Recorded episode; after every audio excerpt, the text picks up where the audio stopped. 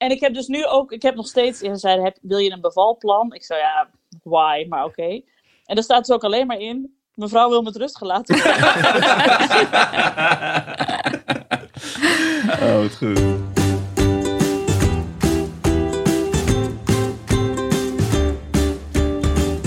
Hoi, ik ben Nienke de Jong, moeder van Janne van 4, Abe van 2 jaar oud en hoogzwanger van de derde. En samen met mijn vrienden Alex van der Hulst, vader van René van 9 en Jara van 4, Hanneke Hendricks, moeder van Alma van bijna 4 jaar oud en Anne Jansens, vader van Julius van 4 jaar oud en Doenja van 1 jaar oud, maak ik Ik Ken Iemand Die. Een podcast over ouders, kinderen, opvoeden en al het moois en lelijks dat daarbij komt kijken. En vandaag hebben wij te gast Arco en Marije, die bij 31 weken zwangerschap bevielen van hun zoon Yuka. Het leek gewoon, ik vond het gewoon echt lijken alsof we in een film zaten. Ik vond het zo onwerkelijk. Ja. Eh, ik dacht echt, hè, gebeurt dit nou? Gebeurt ons dit nou? Wat Ja. is ons hele leven gewoon vanaf nu totaal anders geworden? Ja. Ehm, ja, echt, echt onwerkelijk.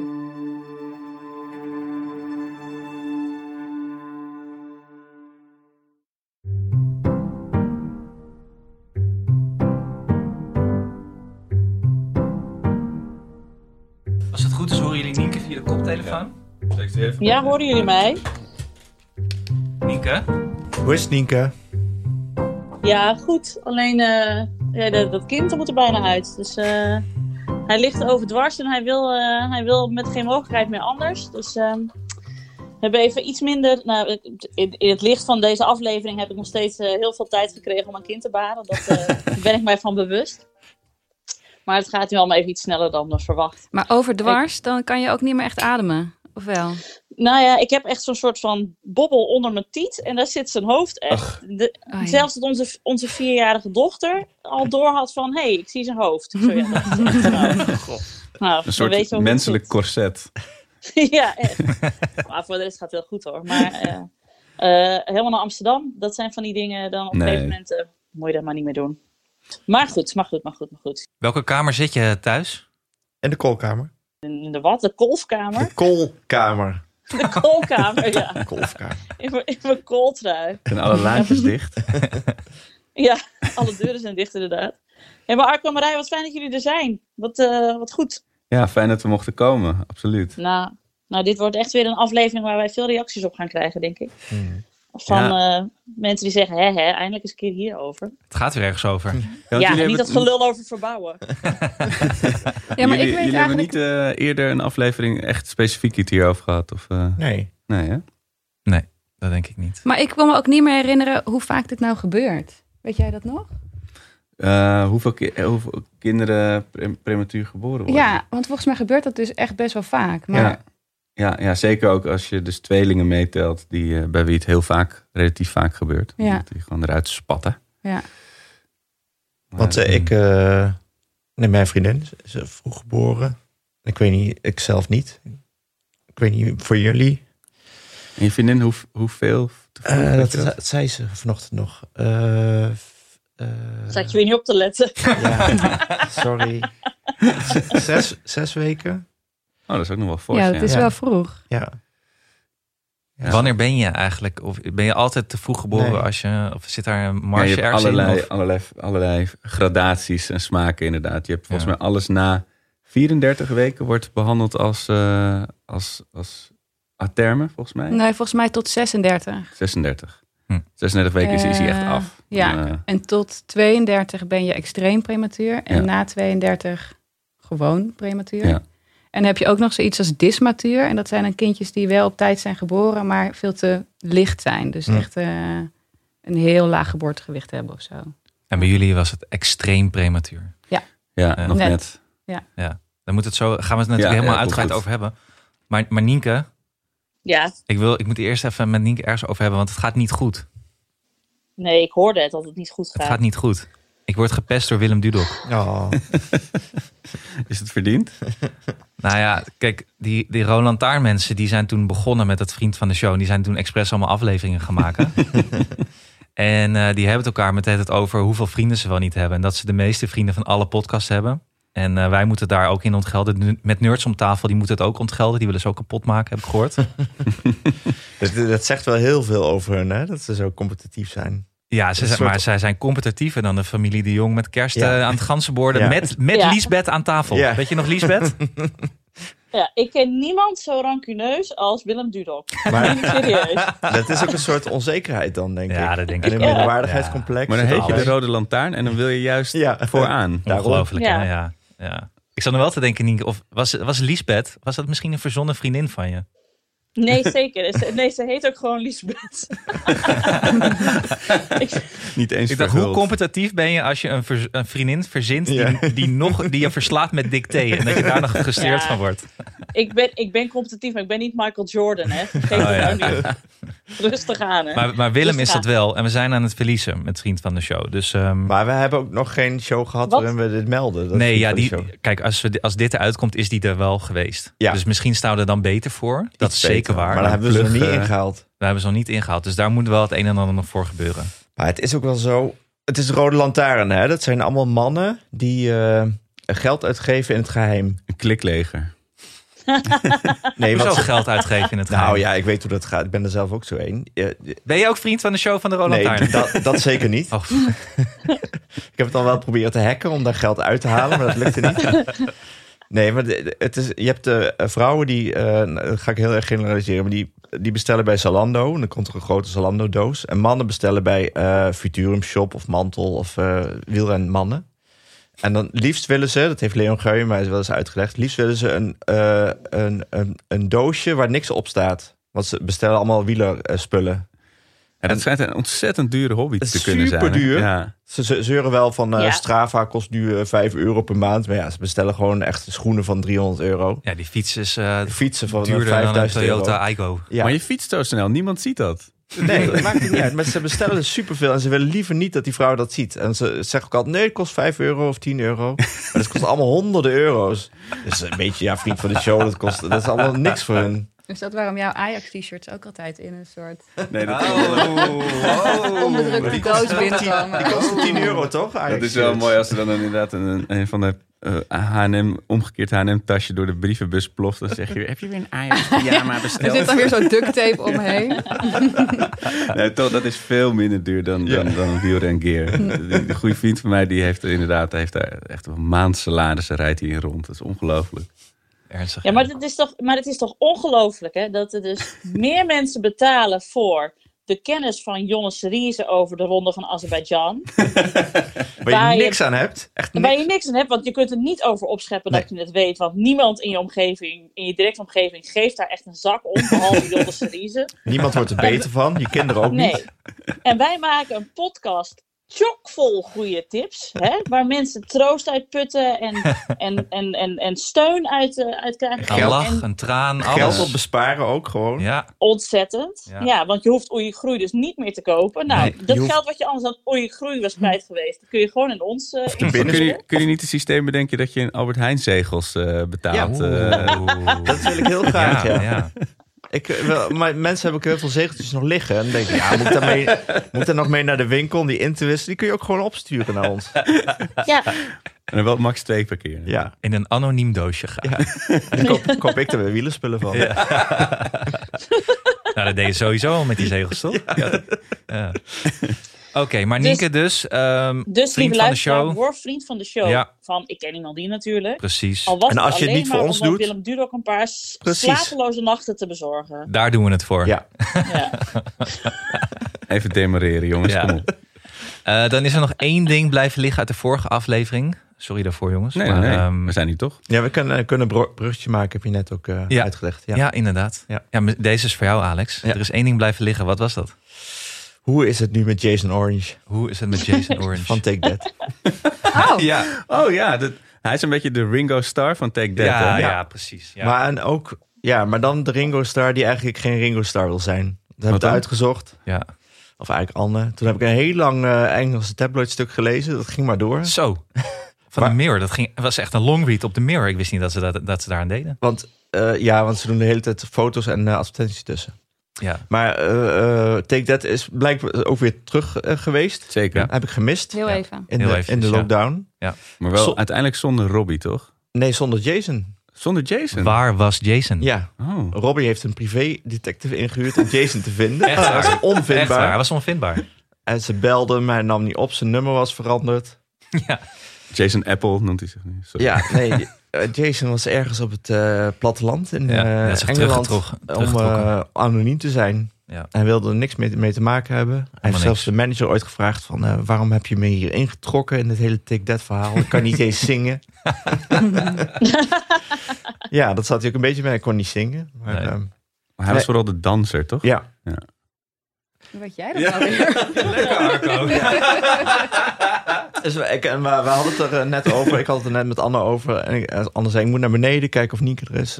Kijk jij even naar buiten of Arco komt. Want die heeft ook een boyband imago. Ja, dat, dat is dus echt iets wat mensen al echt dus sinds ik 16 ben tegen me zeggen. Ja, je, hebt echt, jij, jij had echt in een boyband gemoeten. Ik heb geen idee waarom Maar je mensen had dat toch ook een zeggen. soort conceptnaam voor je boyband? Wat was het ook alweer?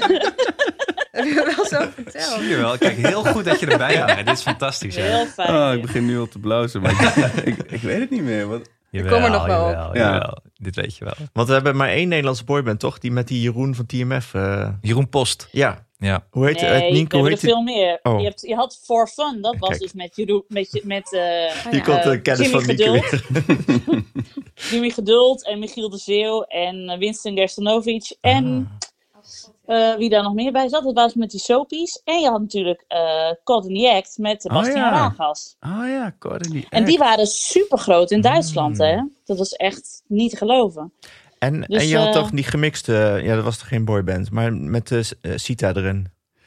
Oh ja, Chaotic. Chaotic. Oh ja, Damn, I think I love Oh, you. dat is Engels. ja dat is Engels. Star dinges heet dat programma. Starmaker. Ja. Nee. Dat was En maar jongens, we, we- ja, ik wil dit, dit kunnen we niet voorbij laten gaan zonder Arnhems gewijs te noemen met Gordon. Hè? Kijk om je heen. Je bent niet alleen. Zie je Arco? Nee, dat was Replay. dit, dit is waarom het boyband imago aan je Ja. kleeft. Heel de dag. Jongens, dat was replay. Oh. Oh. Niks Arnhems Oh ja, gewijs. Arnhems gewijs is je Arnhems hebt me was hiphop. gebruikt. Oh ja, Je hebt me oh ja, replay. Ja, je hebt gelijk. Jij ja. hebt mij gebruikt. Ja. Ja, met, replay, replay was met Mark Dacriet, die daarna echt Oh ja. 130 kilo is afgevallen. Wel heel slecht voor zijn imago, want niemand herkent hem meer. Nee, maar hij is nou wel personal trainer. Dus ja, hij heeft er wel Oh, gewoon ja. een carrière uitgesleept. Ja, het is geen Arie Boomsma. Nienke, heb jij wel eens een pubquiz verloren? Nee, eh, ja. ja, wel, maar, maar dat was dan... eh, Tegen de broer. Ja. Tegen, nee, tegen Arjen Lubach. Oh. dus dat Oh, ja, zich, dan mag ja. het... eh Ja, dat mag. Arjen. Lubach en Diederik Smit. Die klootviolen alle, de hele redactie van Zondag met Lubach. Daar had ik toen tegen verloren. Zit je nog wel Ja, dwars Ja, het zit niet? er heel Ja. dwars. Er komt echt een nieuwe Heel nieuws met. erg. Ik voel een Willem Dudok-achtige rage aankomen.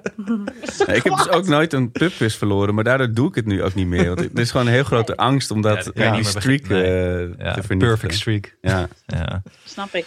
Oké, maar goed, dan, eh, dan de plichtplegingen zijn gedaan dan, denk ik. Ja. Ja. Of was er nog meer? eh, Ja, we komen zo wel even op Hanneke dan.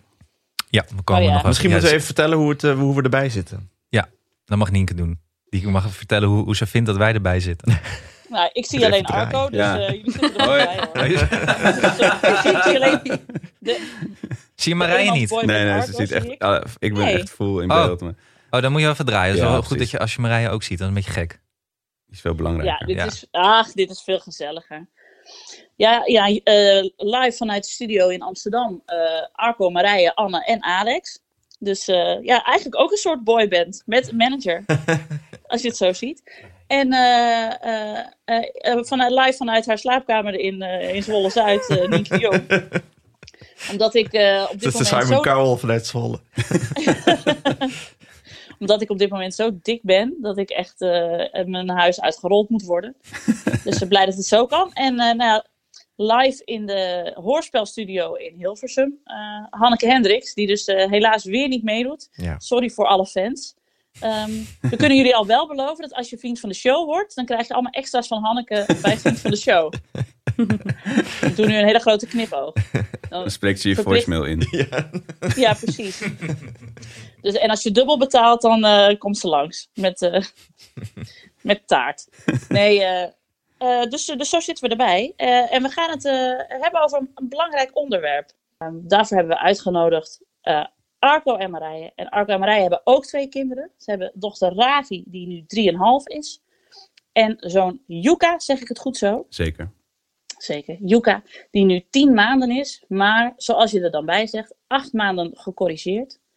Ehm, want Yuka is eh, te vroeg geboren. En ook een, heel erg te vroeg. Met hoeveel weken ook alweer, Arco en Marije? 31 weken en 5 dagen. Ehm, dat is heel, dat, we hebben het er net over gehad. Je hebt verschillende stadia in eh, te vroeg geboren. En dit is echt eh, randje heel erg vroeg geboren. Ja. Ja. Ja. Nu beginnen we eigenlijk meestal als we, als we mensen te gast hebben. En helemaal als het een stel is, dan begin ik eigenlijk altijd met de vraag.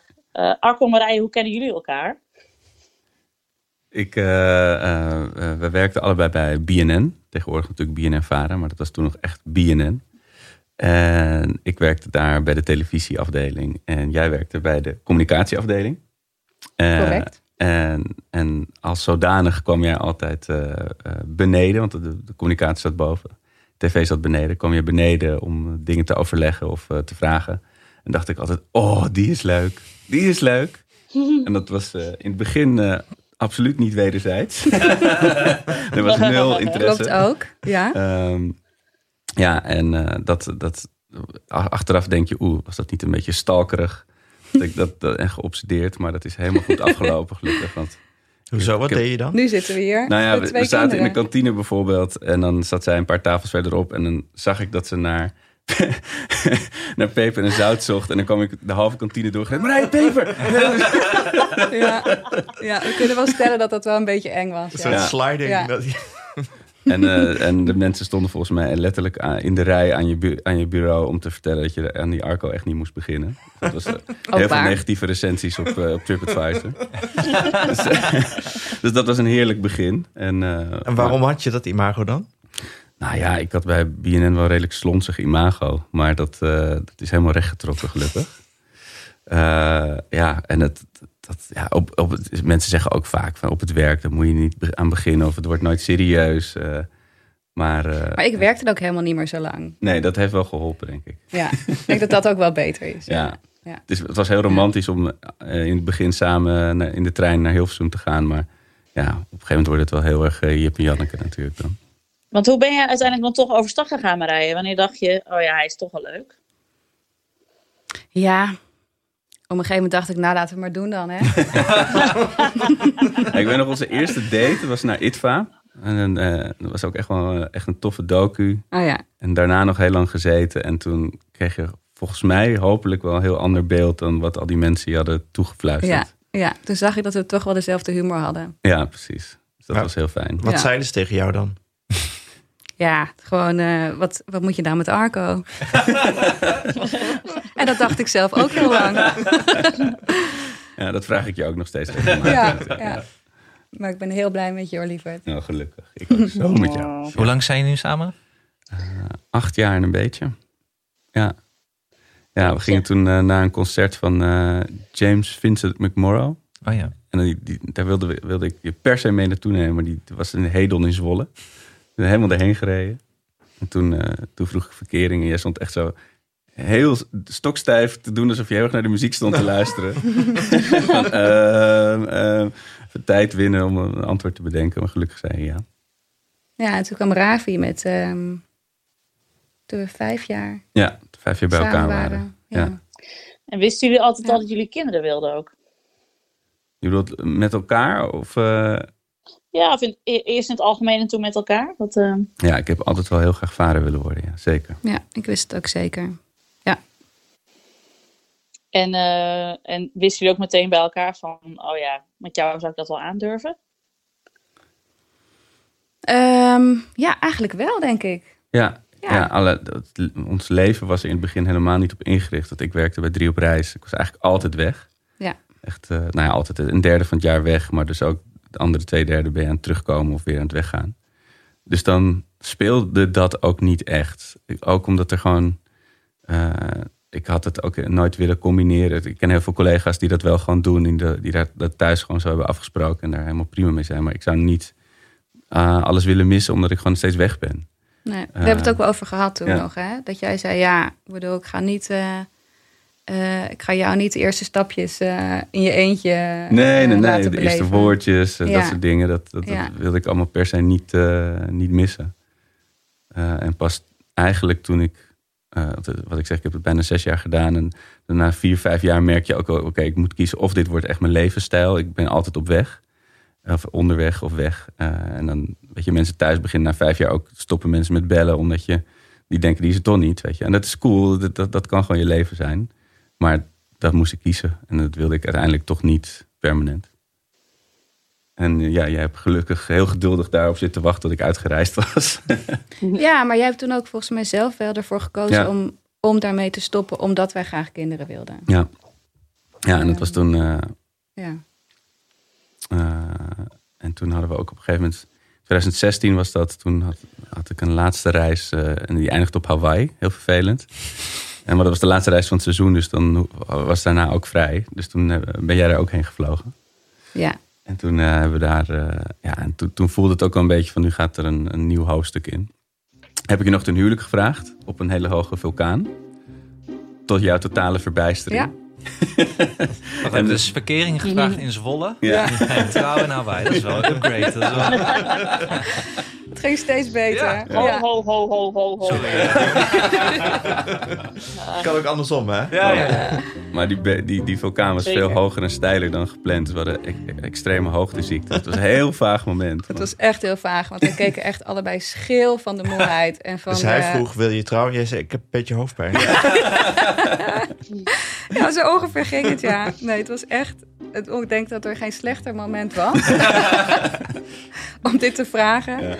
Ehm, maar eh, ook deze keer, misschien was het in totale verstandsverbijstering, zei ik toch maar ja. Ja. Je was zo high van die vulkaandampen. Sulfiet Ja. door de haren, ja.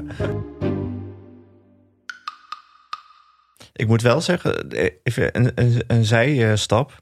Als kinderen ouder worden, hebben ze een heel raar beeld van trouwen. Ik krijg het van die eh, eh, opmerkingen. Ja, jullie moeten gaan trouwen. En dan doe jij... eh, ik moet dan in mijn onderbroek. En eh, een heel raar loopje gaan ze dan nadoen. Want dat moet zo. Ja, ze vinden het een beetje stom volgens mij. En ook weer leuk. Dus ze verzinnen allerlei rare dingen hoe we eruit moeten zien. Oh, hebben ze hebben weer rare filmpjes gekeken? Ja, maar- ja ze kijken alleen maar rare Ja. filmpjes. Dus ik weet niet wat ze allemaal hebben gezien.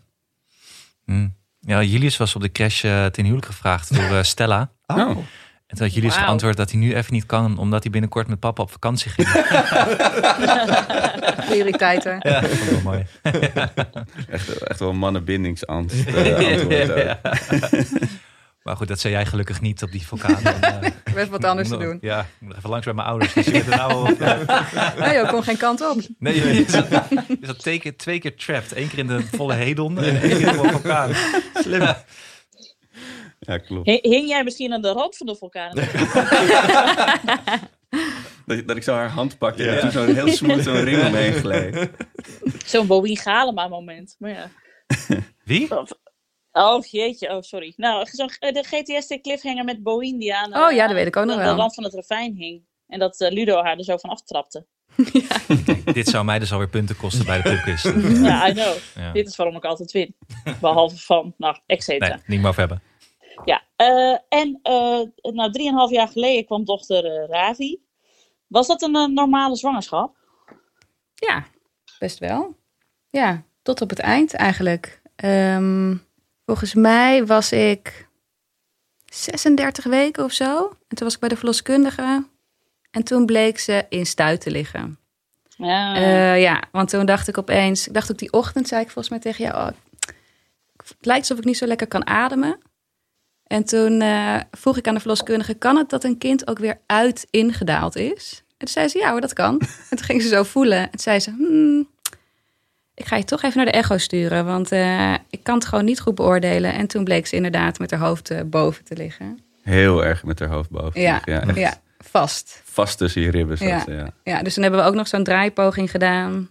ehm, die jij inmiddels ook kent. Ja, Oh. wat geen succes had. En ehm, ja, eigenlijk voordat we alles konden bespreken hè, met de gynaecoloog in het ziekenhuis. eh, van wat we wilden, of we wel of niet voor een keizersnede wilden gaan. Wat de voor- en nadelen waren. Toen braken mijn vliezen ehm, Hm. op. 37, 6. Ja. Ja. Ehm, En we zouden net naar de bioscoop gaan. Ja. Dat weet ik nog. ik had net een, eh, een eh, bord pasta naar binnen geschoven. en eh, een paar uur later eh, lag ik in de OK. Hè? Ja. Ja. Ja. Ja, dus toen werd er toch een keizersnede. Eh, en dat was toen voor ons, eh, ja, ik, denk, ik vond het de geboorte heel mooi. Eh, ik heb daar absoluut geen nare herinneringen aan. Maar het was wel iets waarvan we, denk ik, toen dachten: wow, dat was echt wel heftig. Dat hadden we niet zo gepland of gehoopt of gewild. En het is toch zo gegaan, prima. Maar dat, weet je, we hadden onze portie wel gehad of zo. Joep.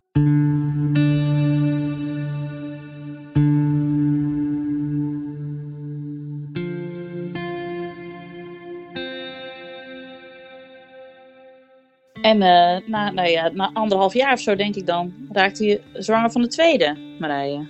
Ja, na twee jaar. Ja, na twee jaar. Ravi was twee geworden. Ja. Zeg ik goed, hè? En, eh, en daarna raakte ik weer zwanger. Ja, Ja. eigenlijk vrij En, snel. en, ook. en Ja. voelde die zwangerschap hetzelfde als bij, eh bij Ravi? Of? Eh, nee, ik vond het heel anders. En daardoor wist ik ook meteen, dacht ik tenminste meteen te weten dat het een jongetje was. Dacht, dit is, dit is zo anders. Het, dit moet, het moet ook een jongetje zijn.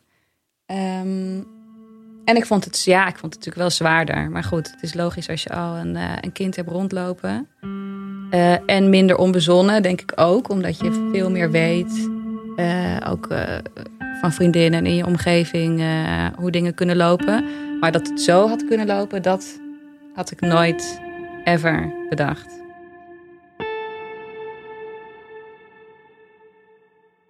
Letterlijk de dag dat we de, de positieve zwangerschapstest hadden, de twee blauwe streepjes, was de dag dat ons bod was geaccepteerd op het, op een huis dat we eh, hadden gekocht.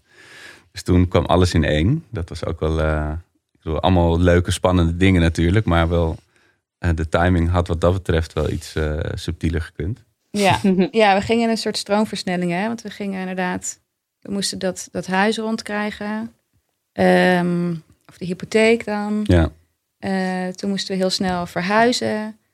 Toen zaten we denk ik een maand of zo in het huis. Ja. Ehm, toen zijn we nog naar Zweden op vakantie gegaan, Ja. anderhalve week. en toen kwamen we terug. En toen braken mijn vliezen. ja. Ja. Ja, we kwamen terug en toen op, Ja. op dinsdag, de maandag weer aan het werk. En op dinsdag eh, gebeurde het, ja. En Ja, hoeveel en weken, hoeveel zwanger? Ja. Ja, eigenlijk gebeurde het dus op maandag. eh, op 24 weken. Eh, precies 24 weken. Mhm. Eh, en dat had ik wel altijd in mijn hoofd. Ehm, kijk, ondanks dat ik er nooit over had nagedacht hoe het zou zijn om een premature baby te krijgen. Ik wist wel gewoon van de zwangerschapsapps en zo. Weet je, 24 weken is zo'n grens. ehm, waarop als je dan geboren wordt, eh, dan kunnen ze je ook, ja, dan kunnen ze je opvangen als baby. En ehm, dat wist ik altijd wel.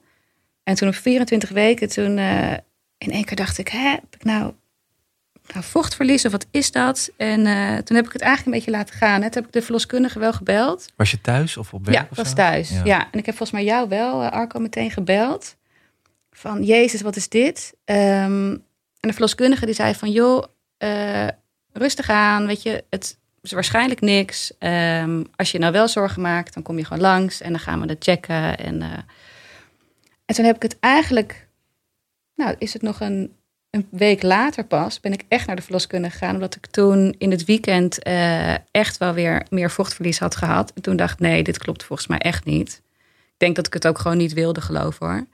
Ehm, en toen was ik bij de verloskundige en die zei eigenlijk meteen, die voelde aan mijn buik. En die zei, je buik is veel te klein. Eh, je moet nu naar het ziekenhuis. Hm. En toen dacht ik nog, oh, ga ik misschien morgen even naar het ziekenhuis. En dan Hm. checken ze het een beetje en dan eh, zien we vanuit daar wel weer verder. Maar ze zei, nee, nee, nee, je moet nu in de wachtkamer gaan zitten. En ehm, eh, ik ga nu voor je bellen waar de plek is. En eh, een half uur later zat ik in de VU. En daar ben ik niet meer weggekomen. Oh ja, dat is inderdaad. Je bent helemaal niet meer naar huis geweest Nee, natuurlijk. nee, ik zat gewoon met mijn laptop van mijn werk en eh, gewoon mijn werkspullen. Gewoon afspraken die dag. En, ja. Ja, Waar was jij, Arco? Jij was aan het werk of zo, denk ik, Ja. die dag. Ja. Ja, ik was gewoon in Hilversum en, eh, en jij appte of, of belde, weet ik niet meer, maar dat, van dat je toch even naar verloskundige ging. En ik zat naar mijn directe collega, eh, die zelf ook moeder is, maar eh, ik zei iets van hè, vochtverlies of zo. En ze, ja, er is iets met vochtverlies. En die zei, oeh, dat is, dat is niet goed, weet je wel. En ik had helemaal nog niet, ik zat nog niet in een alarmfase, weet je wel. Er was nog niks opgeschaald bij mij. Ehm, dus het duurde ook even voordat ik die kant op kwam. Eh, want volgens mij, in, in mijn beleving was het pas al begin van de avond toen je aan de beurt was voor de echo, hè? Ja, klopt. Want ik had gewoon gewerkt die dag. En ik, ben, eh, ik kon eind van de dag terecht bij, ehm, bij de verloskundige. Ja. Ik denk dat ik om een uur of zes of zo eh, in de vuur was. Ja, ik weet nog goed, er wa- was een, zo'n echoscopist en een assistent, denk ik, of een verpleegkundige. En die waren eerst heel ontspannen. Weet je, natuurlijk ook om je op je, op je gemak te stellen, maar ook zelf. Ik had zoiets van, ja, als zij zo relaxed zijn, dan gaan ze er ook van uit dat het eh, gewoon even een check is, maar that's it. En toen keken ze en toen zag ik hun, hun blik echt veranderen. Weet je, dat echt strakke gezicht. Toen dacht ik, oh shit, dit Ja. is niet wat je wil zien.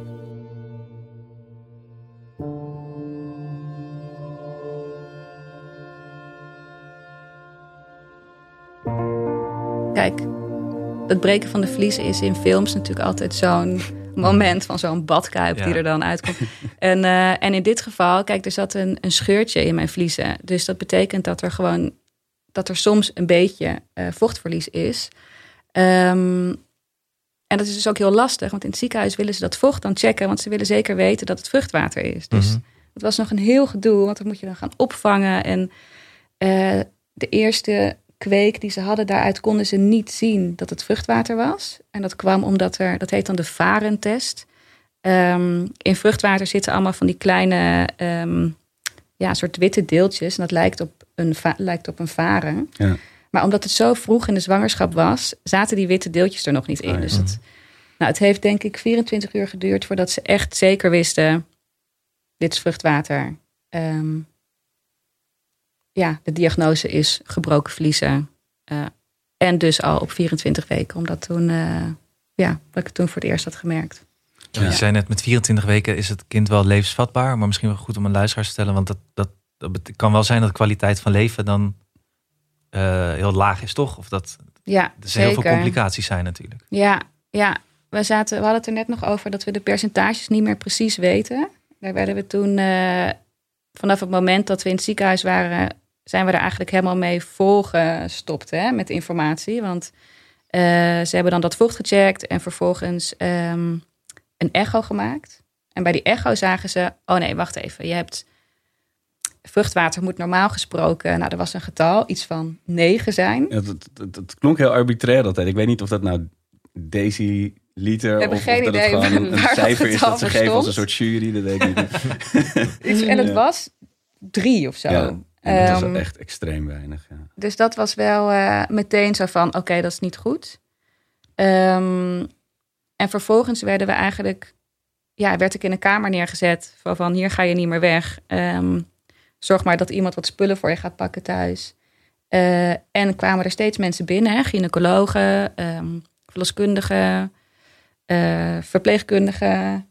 Wie hebben we nog meer Ja, gehad? de sociaal werker. Ja, en die kwam later pas, Ja, de ja. maatschappelijk werker. Maar dit was allemaal diezelfde dag nog. Ja, allemaal in die nacht. Ik weet Mhm. dat we, we gingen om een uur of vier volgens mij slapen.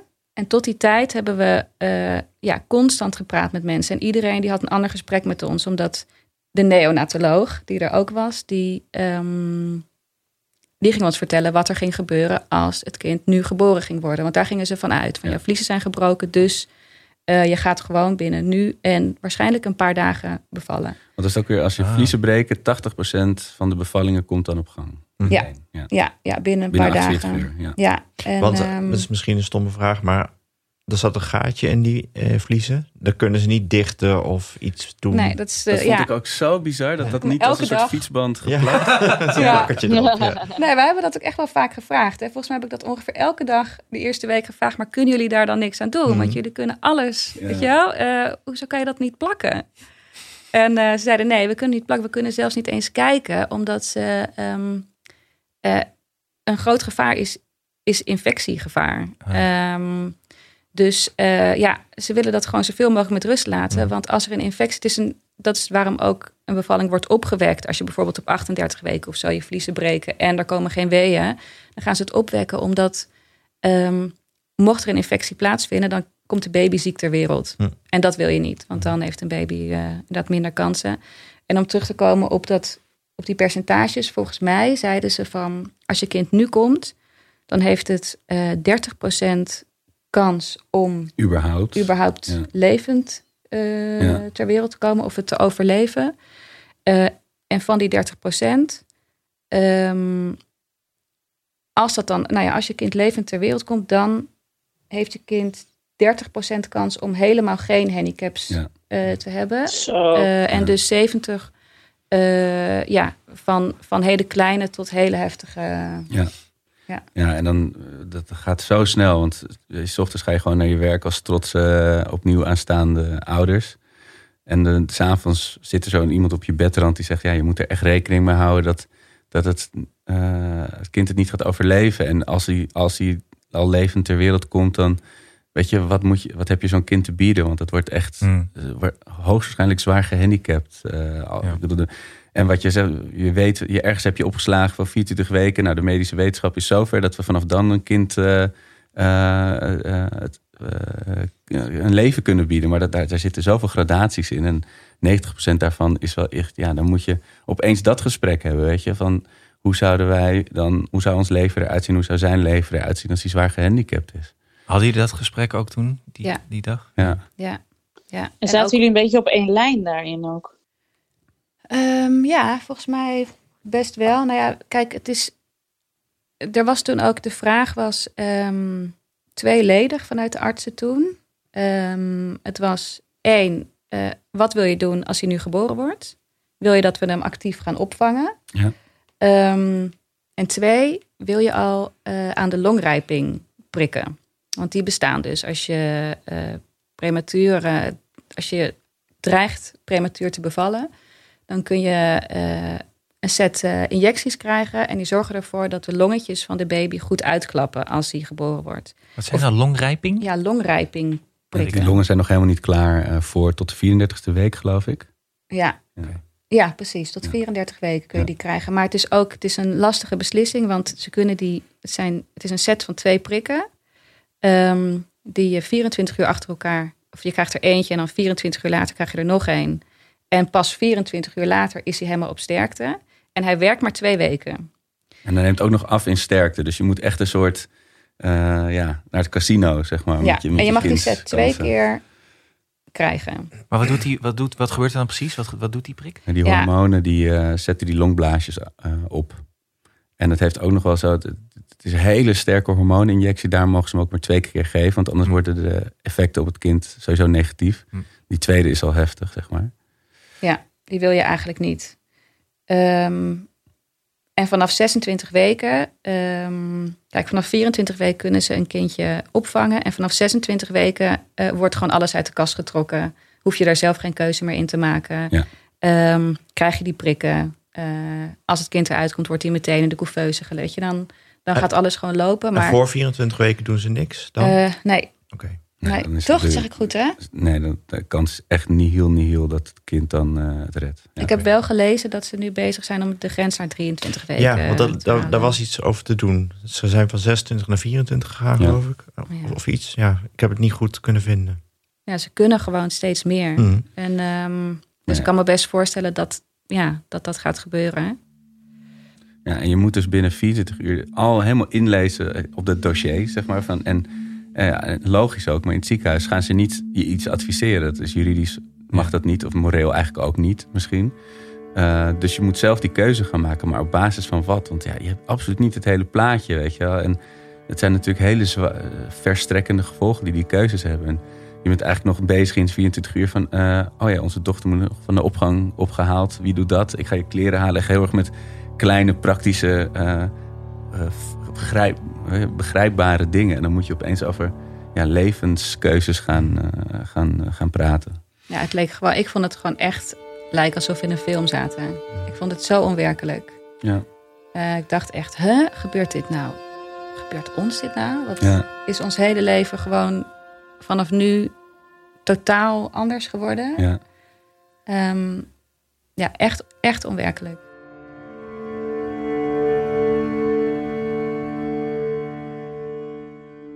In de ziekenhuizen is mijn ervaring, wordt je meestal niet een heel rooskleurig plaatje voorgesteld. Want mensen valse hoop geven. Of wel Mhm. altijd heel eh, funest is.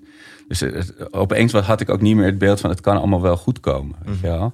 En pas later besef je van, oh, dat, weet je, de, die kans is er dus altijd wel geweest. Alleen dat voelden we, voelde ik op dat moment helemaal niet. Ik ook niet. Nee, en die kans was ook heel klein toen.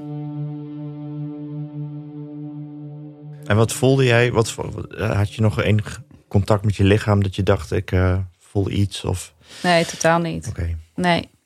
Nee, ik denk ook dat, dat ja, er ging toen, wat ik zei, het leek gewoon echt alsof we in een film zaten. En wij zaten gewoon in een, ja, ik zie ook alleen maar die kamer voor me, weet Ja. je, waar we toen in zaten. En waar, al, waar constant al die artsen binnenkwamen. En om weer wat feitjes te vertellen en weer eh, ons nog donkere scenario's eh, te vertellen. En Hoe zag die kamer eruit dan, als je hem ziet? ja, echt gewoon de, de standaard ziekenhuiskamer. Een bed in het midden, eh, ramen die niet open kunnen. ehm, Oranje gordijnen. oranje gordijnen. Mhm. Eh, het, het, ik vond het wel echt best wel cru dat ik gewoon in hetzelfde bed lag als uh, dus 3,5 jaar of uh, eerder, of toen uh, Ravi geboren werd. Oh, dat, dat was hetzelfde. Neonatologie. Nou ja, dat het is zo'nzelfde. Weet je, dat voelt hetzelfde gewoon. Ja. Dat je denkt, oh, huh?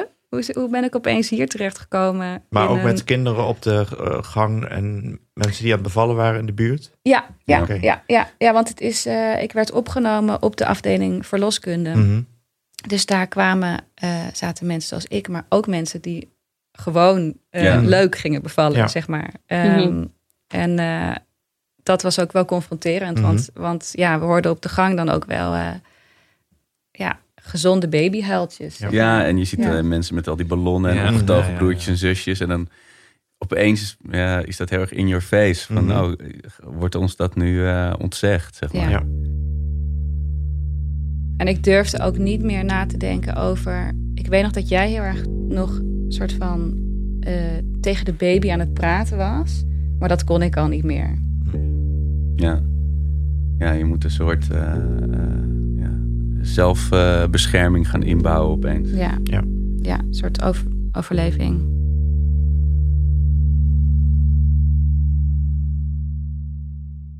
werd toen op een gegeven moment gewoon het plan, de campagne van we proberen hem gewoon zo, zo lang mogelijk binnen te houden en, en dan zien we wel? Of wat, wat was jullie plan? Ja, het credo was, sorry hoor, maar het credo was heel erg elke dag is er één. Weet je, dat was echt het mantra wat ons veertien keer per dag werd gezegd, omdat het per dag al zoveel verschil maakt, de overlevingskansen. Of uh, en zelfs in het begin, helemaal in het begin een halve dag, zei ze, nou het zijn toch weer twaalf uur voorbij, dus uh, dat je, en je gelooft in het begin helemaal niet dat dat zoveel uitkomt. Ik weet niet hoe dat voor jou is, Nienke, maar je bent daarvoor met de vorige zwangerschap waren niet zo bewust bezig met... oh, het, je hebt wel zo'n app met... je bent nu zoveel weken zwanger, het is nu een, een, een watermeloen, ik noem maar wat, weet je wel. Maar, maar niet van, god, dat, daar, daar gebeuren elk uur cruciale dingen. Weet je wel, dat... Uh, nee.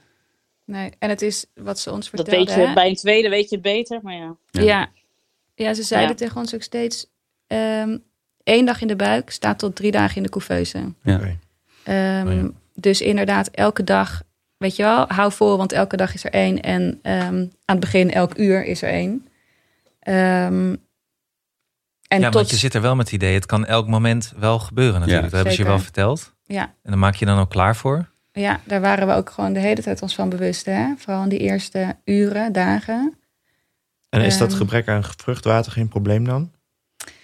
Uh, nou, dat, dat, precies dat dachten wij ook aan het begin. Mm-hmm. Van jeetje, hoe kan mijn baby nou overleven in die buik... als hij maar uh, een derde van het vruchtwater heeft? Um, maar wat blijkt, het lichaam maakt uh, de hele tijd vruchtwater aan. Dus um, er verdween elke dag vruchtwater, maar er mm-hmm. kwam ook elke dag bij. En dat konden ze ook zien, want ik kreeg een heleboel echo's. Dus ze konden ook steeds zien... oh ja, het vruchtwater, ja, het is nog steeds veel te weinig. Maar er zit nog wel iets. Mm-hmm. En uh, vruchtwater is belangrijk um, uh, voor de bewegingen van de baby. Motorisch, ja. Maar ook voor het ontwikkelen van die longblaasjes, die super belangrijk zijn als dat kind ter wereld komt. Dus dat er nog iets was, daarvan zeiden de artsen steeds: Weet je, dat is gewoon goed. Um, ja, je had een steady drie.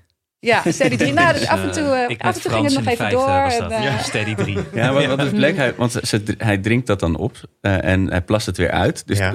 elke dag was er die echo, in het begin zelfs twee keer per dag. Maar dat was dan, Oeh. ze zeiden ook van ja, het kan zijn, het is nu twee, maar het kan zijn dat hij net het allemaal heeft opgedronken. En over een uur heeft hij het uitgeplast en is het vijf of, of zes zelfs. Ja, ja. Weet je wel, dus dat was, het zei ook eigenlijk niks. Dus waarom ze dat Nee. dan elke dag deden, ja, ook een soort check natuurlijk. Maar en de is- echo was ook heel moeilijk te maken zonder Oh, is zo vruchtwater. Ze konden het niet goed zien Oh. daardoor. Ja, en ze gingen natuurlijk de hele tijd checken, want je hebt een, een, een, een, een litteken van de, van de eh, eh, keizersnede. Eh, en hij lag ook nog eens volgens mij precies onder dat litteken. En als ze hem heel snel moeten halen, is dat. eh waarom is het ook weer gevaar? Nee, ze- zijn Placenta. placenta lag vlak onder het litteken. Mm. Dus oh dus ja. als ze hem heel snel moeten halen, waar ze natuurlijk rekening mee hielden, Mhm. dan kun je niet zomaar even openritsen. Want dan, Nee.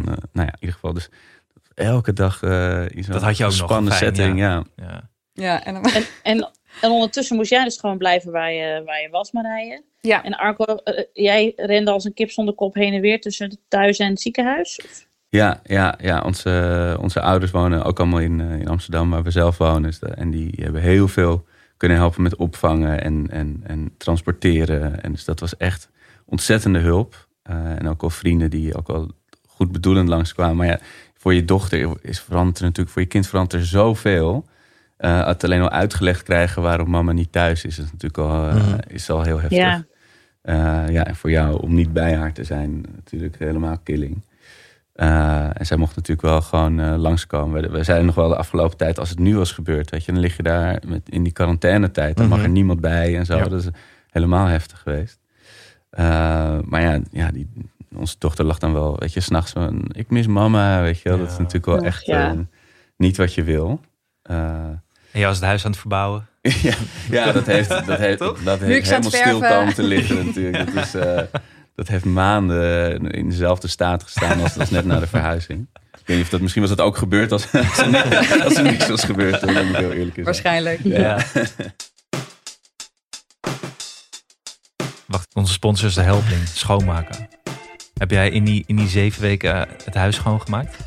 ja, zeker. Ja? Ja, ja, zeker. Dat, was, dat gaf ook een soort... Je had geen eh, schoonmaker. Was dat niet vlak voordat ik thuis kwam? Dat vooral, ja.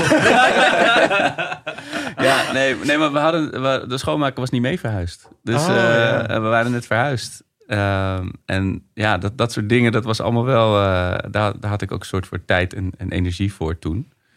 Ja, dat was misschien wel fijn om even de gedachten te verzetten. Ja. ja. Maar als je nou net verhuisd bent, Anne, Ja. en je weet, je weet geen schoonmakers in de buurt. Nee, dan, dan kijk even op Helpling. Daar Ja. Er zijn heel veel, heel veel keus en heel veel goede schoonmakers. Was wel fijn geweest toen. Ja, Dat denk ik ook inderdaad, ja. Had, ik, eh, had ik vast iets anders kunnen verzinnen.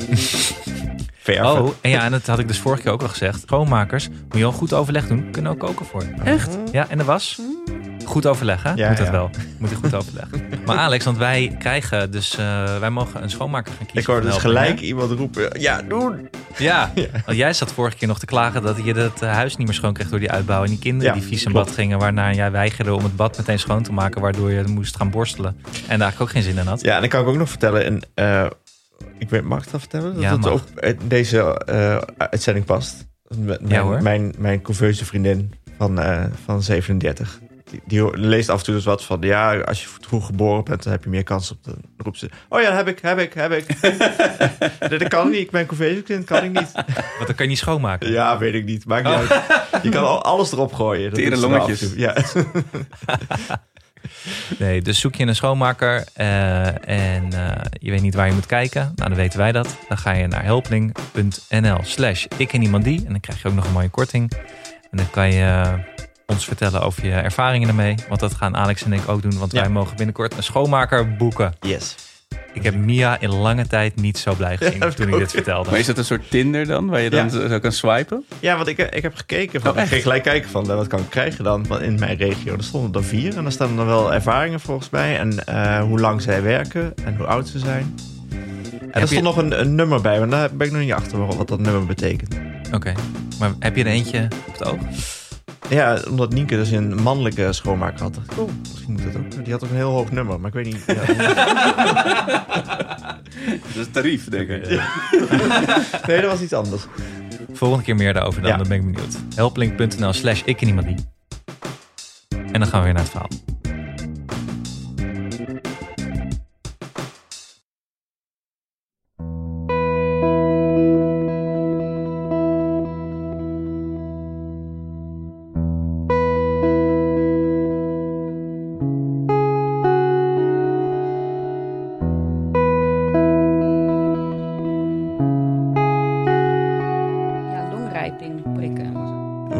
Toen met die eh, injecties besloten? Nou, we hebben dus gelukkig hoefden we. Kijk, we hebben toen besloten om niks te doen met die injecties. Mhm. Eh, gewoon omdat we het gewoon niet konden bedenken. Het was gewoon een, een soort. Net als dat van je kind wel of niet opvangen. We konden die keuze gewoon niet maken. Omdat ja, het gewoon. Sophie's Choice. Ja, het is Ja. gewoon. Er is geen goede. eh, ja, geen goede keuze, geen goed antwoord daarop. En ehm, Maar is dat dan heel bewust of een soort, ook een soort bevriezen van... Nee, het is gewoon, ja, dat, Ja. totaal. Nee, we hadden echt, het was zo, het was zo veel te groot om, eh, ja, om, om daar echt in detail over na te kunnen denken. En, en die angst was er constant Mhm. van, van hij gaat nu komen, hij gaat nu komen. En als ik dan weer eh, vruchtwaterverlies had, en nou, dan, pff, weet je wel, dan Nou, waren dat we is weer het helemaal heel uit het veld confronterend geslagen. fysiek. Dat vruchtwater, dat, dat er echt Mhm. uitklapt natuurlijk. Dus elke keer weer een herinnering aan de noodsituatie waar je in zit. Weet je wel. Heel, ja, heel grafisch. En het, het- het- zo'n prik, dat is inderdaad op een gegeven moment... Ja, dan zit hij, er- blijft hij toch een week zitten. Mhm. Tien dagen. Ja. Dus dan, dan denk je ook nog van... Ja, als we die prik niet geven... dan dwingen we hem ook om nog langer te blijven. Weet je wel. Dat Ja, soort dingen. ja. Dat Ja. natuurlijk totaal niet rationeel is. Maar dat, zo ga je toch met jezelf eh, onderhandelen, denk ik. En uiteindelijk zeiden de artsen wel van, ehm, volgens mij twee dagen voor de 26 weken, zeiden ze, nou je bent, weet je wel, je bent stabiel en wij durven het wel aan om gewoon nu die prikken te zetten. Dan ben je met 26 weken ben je eh, goed beschermd. Mhm. Ehm, dus dat hebben we toen gedaan. En ehm, ja, toen was ik dus tot 28 weken eh, zaten we een soort van safe. Beetje gek om dat zo Mhm. te zeggen in deze situatie. En was ik dus ook nog in het ziekenhuis met 28 weken. En hoe zit je, hoe- gaat je toestand dan een soort van afwachten? Of Ja, eh, de dag doorkomen in het ziekenhuis. Ja. Ehm, Want je hoeft er niet te blijven liggen. Want dat, Nee. dat dacht ik in het begin. Oh, ja. Nou, jij moet nu gewoon acht weken met je benen omhoog eh, liggen. Maar je mocht wel gewoon rondwaggelen. ja, ik mocht bewegen, ik mocht het ziekenhuis door. Ehm, maar ik had, eh, verdwijnt dan dat idee van het kan nu ieder moment gebeuren? Zit je dat een Nee. beetje? Nee, dat is eigenlijk... ehm, het wordt wel minder, Mhm. maar dat zat wel constant in mijn hoofd. Dag en nacht, echt elk uur. Ik weet ook nog dat mijn eh, eh, gemoedstoestand kon ook gedurende de dag eh, heel erg veranderen. Eh, ik kon echt eh, ja, het ene moment helemaal gek worden van angst. En het volgende moment zaten wij keihard te lachen om, eh, ja, om de gekke artsen die we nu weer eh, tegen waren gekomen. En, eh, Ehm, ja, en je, je gaat door. Dus ik, ik heb eh, heel erg het gevoel gehad eh, van ik, ik moet hier die tijd door, blijkbaar. Eh, en dat kan alleen maar als ik niet te veel nadenk en niet te veel voel. En dat is, ja, dat heb ik gewoon een beetje uitgezet. Dus ik ging eigenlijk een beetje zombie-achtig door de dagen heen. Mhm. En ehm, Een soort snoesmodus. zeg ja, en probeerde gewoon steeds aan het eind van de dag dacht ik, oh oké, fijn. Weet je, er is weer Ja. een dag voorbij. En elke week eh, brand ik nog wel een kaarsje in het eh, Mhm. kapelletje van de, het VU ziekenhuis. En s s'avonds liep ik rondjes in de kelder van het VU om mijn stappenteller een beetje. En ik werkte ook nog. Ik kon vanuit daar wat werken, gelukkig. Ehm, ja, en de rest van onze uren werden eigenlijk wel gevuld door, door echo's en, Mhm. en afspraken. En ehm, Ja, het is hurry up and wait. Hè? Want het is, je bent, zij maken hun rondes. Eh, en het is natuurlijk wel de bedoeling dat jij er bent als ze, hun, Mhm. eh, als ze aan je bed komen. Maar die ronde duurt natuurlijk twee uur. Ja. Dus je weet niet wanneer je aan de buurt bent. Dat, dat is heel logisch. Maar eh, ja, dat, dat, dus die twee uur die spendeer je dan daarop wachten. Maar dan weet je in ieder geval waarop je wacht. Ja, en elke ochtend zat ik vanaf 26 weken aan het CTG. Dus dan werd er een hartfilmpje gemaakt van Mhm. de baby. Elke ochtend. Ja, met al die Ehm, banden om je ja, benen. ja. Ja, en ehm, ik lag aan het begin op een kamer alleen. En volgens mij na één of twee weken werd ik naar de zaal verhuisd. Dus ik lag daar met twee andere zwangeren die Mhm. een soortgelijke ehm, situatie hadden. Dus eh, s ochtends lagen we allemaal aan het CTG, het ontbijtje zo op het bed. En daarna was het allemaal wachten op het artsenteam wat dan langskwam. En daarna was het, ja, eh, dus even werken of even een kopje koffie. Iets leuks doen of, voor eh, jezelf. iets leuks doen voor jezelf. En eh, drie keer per dag eh, checks eh, van het verpleegkundig personeel die eh, wilde weten of ik nog eh, eh, eh, vruchtwaterverlies had gehad, of er eventueel bloedverlies was, of mijn buik anders voelde. Eh, Dat was werd altijd het riedeltje, toch? ja, werd met Ja. temperatuur gemeten. Het was gewoon, ja, dat was drie keer per dag, die checks. Ja, En dat geluid van die CTG, dat toet, toet, toet, ja, toet, toet, toet, toet. Ik, wij wonen dichtbij eh, in Amsterdam-Noord bij een festivalterrein, NSM-terrein en als de wind juist staat en is een festival, dan hoor je ook die. En er was een keer een technofestival. En die beat die klonk, precies als een CTG. Dus ik, kreeg, ik, stond in de keuken en ik kreeg helemaal zweetaanvallen. En een soort stress trigger was dat. Oh, en, dat was dan nog voor mij, weet je. En ik, ik lag niet eens in het ziekenhuis. Wat voel je de, eh, voel je de baby nog bewegen met zo weinig vruchtwater? Of, of... Ja. Oké. Ja, dat schijnt wel minder te kunnen worden. Maar eh, ik had gewoon een hele bewegelijke baby. maar dat is wel een fijn gevoel dan. Heel fijn. Ja. Ja. Ja, Ja. want daardoor kon ik altijd, eh, als ik me zorgen maakte, eh, ik hoefde maar even een beetje aan mijn buik te voelen en dan, eh, dan was hij wakker. Dus het was ja. heel fijn. Ja. Ja, En en zijn het- er nog dingen die je moet doen dan, die ze als tip geven, die je kan doen? Veel drinken of veel slapen? Of... Nou nee, ja, veel drinken heb ik dus volgens mij ook de eerste dagen heb ik echt als een gek Oh, ja, waterloop gewoon drinken. water, Gewoon, ja. gewoon voor het gevoel Ja, van, weet je wel dan. Maar eh, Dat nee. is jouw bijdrage dan. Ja, precies. Ik kan niks doen Ja. behalve. En eh, Ja. nee, er is gewoon eigenlijk echt niks wat je kan doen. En dat is ook het, het tegelijkertijd dus het machteloze Mhm. ervan. Ehm, je moet wachten. En ehm, Dat was zo fijn geweest. Als Ja. we één ding hadden, Ja. weet je, als je gewoon elke dag ons erboven push-ups doet Ja. en dan wordt het sterker of zo, weet je. Dat was zo fijn Ja. geweest. ja, nee, niks. Echt, er was gewoon niks. Ja, eh, niet eh, in bad gaan. Maar ja, dat Mhm. was eh, in het ziekenhuis ook geen optie. En eh, ja, er mocht gewoon geen infectie komen. Maar ja, daar heb je geen invloed op. Nee. En ehm, Nee, maar dat was wel een ding. hè. Als, als, jij, als jouw temperatuur iets zou stijgen, dan zouden ze hem gaan halen. Ja. Dus het was ook altijd echt zo'n zo'n ja, zweet onderwerp van ja, niet ziek worden nu, weet je Mhm. wel. Dus, dus wat nu dat handen wassen constant, dat, dat doe ik al een jaar. ja. Die handen dus ook echt, ik heb geen vel meer aan. maar eh, ja, en toen zeven weken heb je er gelegen. hè? Oh, wacht heel even, want die 28 weken, dat was eerst een ding, toch? Want Ja. dat was met die prikken. Ja, op 26 weken was de prik. En toen Mhm. zaten ze tot 28 weken. eh Zat je waren goed? Die, zat ik goed. Eh, en toen was inderdaad het volgende moment van... wil je nog eh, de volgende set al? Ja, En toen hebben we ervoor gekozen ja, om, om dat uit te stellen. Omdat we dachten, ja, eh, maar ja, goed, als die pas over twee weken komt, Mhm. dan hebben we er niks aan. Ja, je hebt nog één kans om die, Ja. om die set prikken te geven, inderdaad. ja. Ja, en ook waarom je dus ook vooral ook moest blijven in het ziekenhuis. Natuurlijk ook omdat ze je constant willen monitoren. Maar ook, die kindertjes zijn zo klein Mhm. dat die bevalling heel snel kan gaan. Dus als jij thuis bent en, en, en dat kind komt bij 27, 28 weken... dan red je het niet eens meer naar het ziekenhuis. Nee. En dat moet natuurlijk, want daar staan alle toeters en bellen klaar... om zo'n prematuur kindje dan op te vangen. Want je hebt dan zo'n afdeling, is helemaal afgesloten van alles. En dat, is, dat was de NICU, toch? Ik haal altijd die twee door elkaar. In ieder geval de neonatale afdeling, daar hebben ze dus couveuses staan. Mhm. En daar mogen echt alleen de ouders van de prematuren komen en de specialisten. Ja, dat is ook wel een heel stemmige afdeling, want het, zijn, dat, dat Ja. liggen natuurlijk hele fragiele kindjes. Mhm. Maar dat doemde altijd een beetje aan het eind van de gang wel. Daar, gaan we, daar gaat het ja, eindigen. er werd ook eens aangeboden, toch? Of we daar wilden gaan kijken. Ja. Dat wilde ik niet. Nee. Nee. Nee. Maar jullie wonnen dus elke keer weer een dag.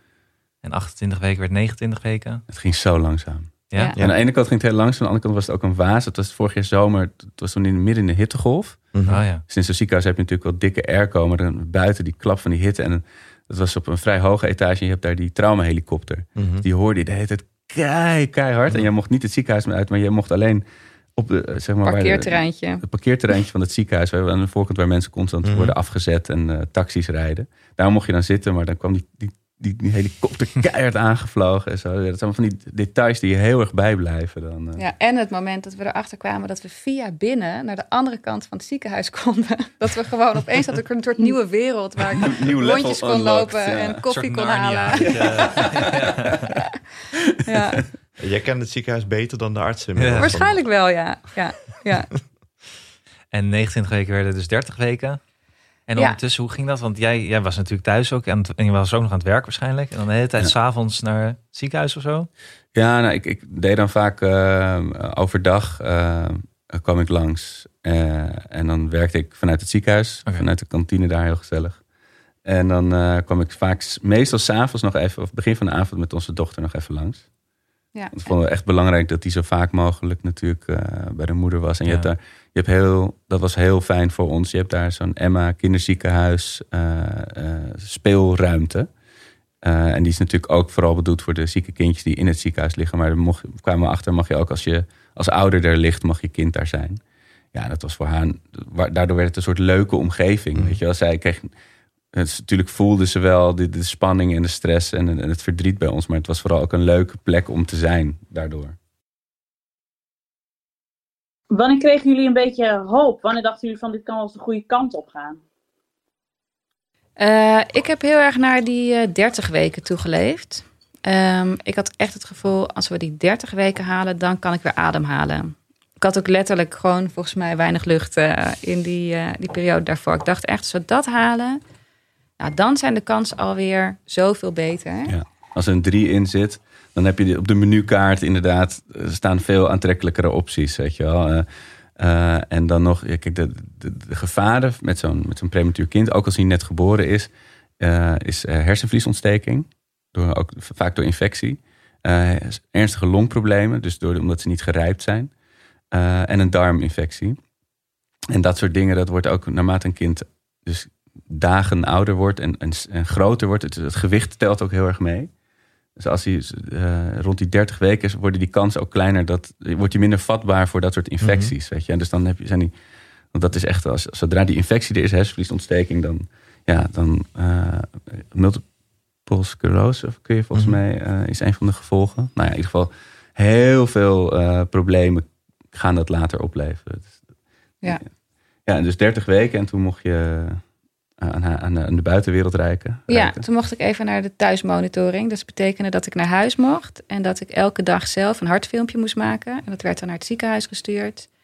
En ik moest geloof ik twee keer in de week nog een keer langs in het ziekenhuis voor een check. Ehm, ja, dat heb ik dan een week gedaan, geloof ik. Maar hoe Voor- was dat? ja, vond je om dat weer thuis te zijn? Oh, het eng, was niet? echt, nou, nou, echt, het was de hemel. Ja, oh wel, ja. Je Ja. zei niet van, wat doet die verf hier nog allemaal? Oh nee, ik vond niks meer erg. Ik vond alles waar ik, alle muurtjes waar ik eerst met eh afschuw naar keek, dacht ik, oh wat heerlijk om dat weer te zien. Nee, het was echt, ik vond het zo, zo, zo erg in het ziekenhuis. Dat ik gewoon, het voelde zo claustrofobisch. En ik vond het zo erg om niet thuis te zijn. Ehm, om gewoon niet mijn dochter een verhaaltje voor te kunnen lezen. En eh, gewoon de normale dingen eh, mee te maken. Eh, dat nee, ik was echt in de zevende hemel. Ook al was het niet echt thuis thuis nog. Want we hadden natuurlijk net verhuisd. Je, hebt er niet, Ja. je had Nee. er nog niet gewoond. Nee, klopt. En, eh, Nee. en die babykamer ook. Wij vier, weet je, we hebben natuurlijk eerst die verhuizing. En dus die was er ook nog helemaal niet.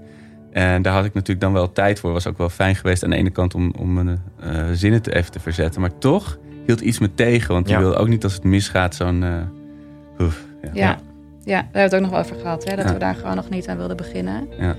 En, eh, maar het was ook ehm, eh, ja, een beetje verneukeratief. Want, want die 30 weken was een soort fijn moment. Maar tegelijkertijd nog steeds echt niet de bedoeling dat hij kwam. Nee. Nee, een soort Ehm, valse veiligheid krijg je Ja. dan. Dat je denkt van, oh, nu zijn we er. Maar dat is echt natuurlijk niet zo. 30 weken, joh. Dat is- Mhm. En ik weet ook nog wel dat we toen even samen hebben gegeten of zo ergens op een terras of, of iets. En dat we tegen elkaar zeiden: Wow, het lijkt wel alsof het allemaal een boze droom was. Alsof het gewoon allemaal niet echt was gebeurd. Ehm, door gewoon weer thuis te zijn, Mhm. voelde alles weer normaal. En behapbaar. Ja. Ja. Ja, want Arco, jouw familie heeft toch ook een, een, een, geschiedenis met dit, eh, met dit ziekenhuis? Ja. Wat is er mee? Ja, da- daar, daar moest ik ook meteen aan denken toen ik, wat ik zei over die kinderkamer. Eh, mijn, mijn zusje is eh, eh, vrij kort na de geboorte overleden. toen ik zeven was. En dat was toen. was, tijdens de zwangerschap waren er geen complicaties. Dus ze wisten van niks. En toen met de geboorte bleek dat zij het, het syndroom van Potter heeft. Volgens mij kunnen ze dat tegenwoordig veel eerder. Kunnen ze dat wel met een echo zien of merken. Want die nieren waren niet. dat, dat je nieren niet ontwikkeld zijn ja, dan ben je gewoon kansloos helaas. Eh, en dat is toen, eh, dus die schok, dat is natuurlijk voor mijn, voor mijn ouders heel verdrietig geweest. Maar ook, ja, dat, eh, dat heb ik, eh, als, daardoor gingen hier nu ook allemaal deuren open natuurlijk. Ehm, Ja. voor je ouders was dat natuurlijk ook wel ehm, ja, confronterende Ja. Mhm. tijd. ja, ja die- dat- het, het verlies van je kind eh, is, is het, weet je, dat was inmiddels ook 31 jaar geleden. Maar dan het, het verlies van je kleinkind eh, nog misschien, weet je, dat dat op het Mhm. menu staat. Of voor mijn oma, van die achterkleinkind. Dat, dat was echt wel, eh, ja, een extra lading daardoor. Ik weet niet, daardoor heb ik ook altijd eh, mijn hele leven altijd... Het kan elk moment helemaal misgaan, weet je wel. En dat, dat was eindelijk een beetje weggeëpt. En het was nu heel erg eh, terug opeens. Ja, en ik denk ook dat dat, daar hebben we het wel vaak over gehad, want ik kende dat gevoel helemaal niet. Nee, want jij hebt, dat, jij hebt me dat ook wel eens verteld. En eh, dat is ook nog wel iets wat denk ik bij mij is blijven hangen. Het besef van, wow, alles kan dus in één seconde Mhm. compleet anders zijn. Die kan een heel fijn leven hebben en eh, ja, in één keer kan het gewoon allemaal veranderen. En dat is een soort shock. Ja. We hebben ook denk ik in, in een soort, ja, een soort shock geleefd of zo. eh. en ik heb het ook nog steeds wel hoor. Als ik er nu aan terugdenk, dat ik, dat ik echt denk, jezus, wat, wat had er allemaal kunnen gebeuren? En we zijn die dans gewoon ontsprongen. Ja.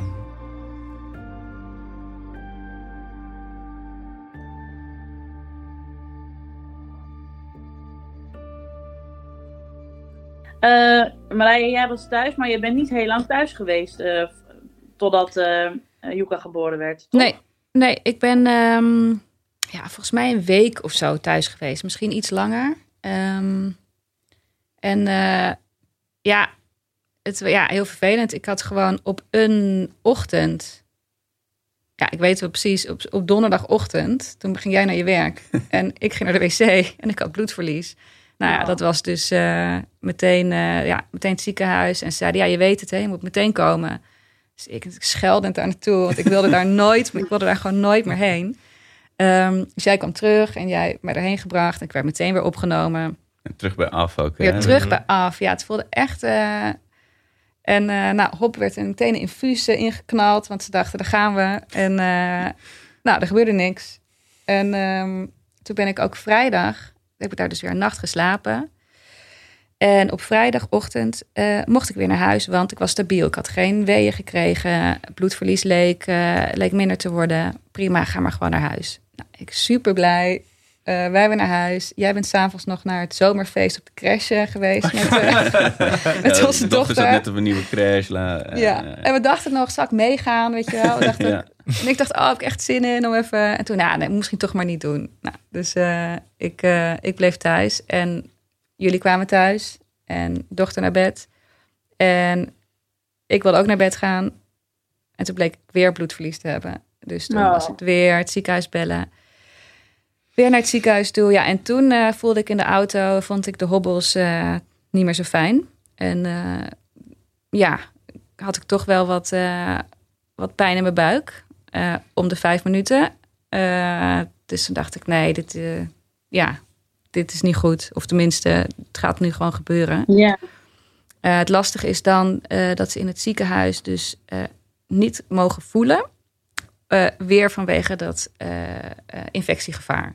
Oh. Dus dan eh, gaan ze heel moeilijk kijken. En dan kunnen ze niet helemaal zien of je wel of niet ontsluitingen hebt. En, ehm, ehm, dus hebben me eigenlijk eh, daar gelaten. Ik heb daar een nacht geslapen eh, met weeën.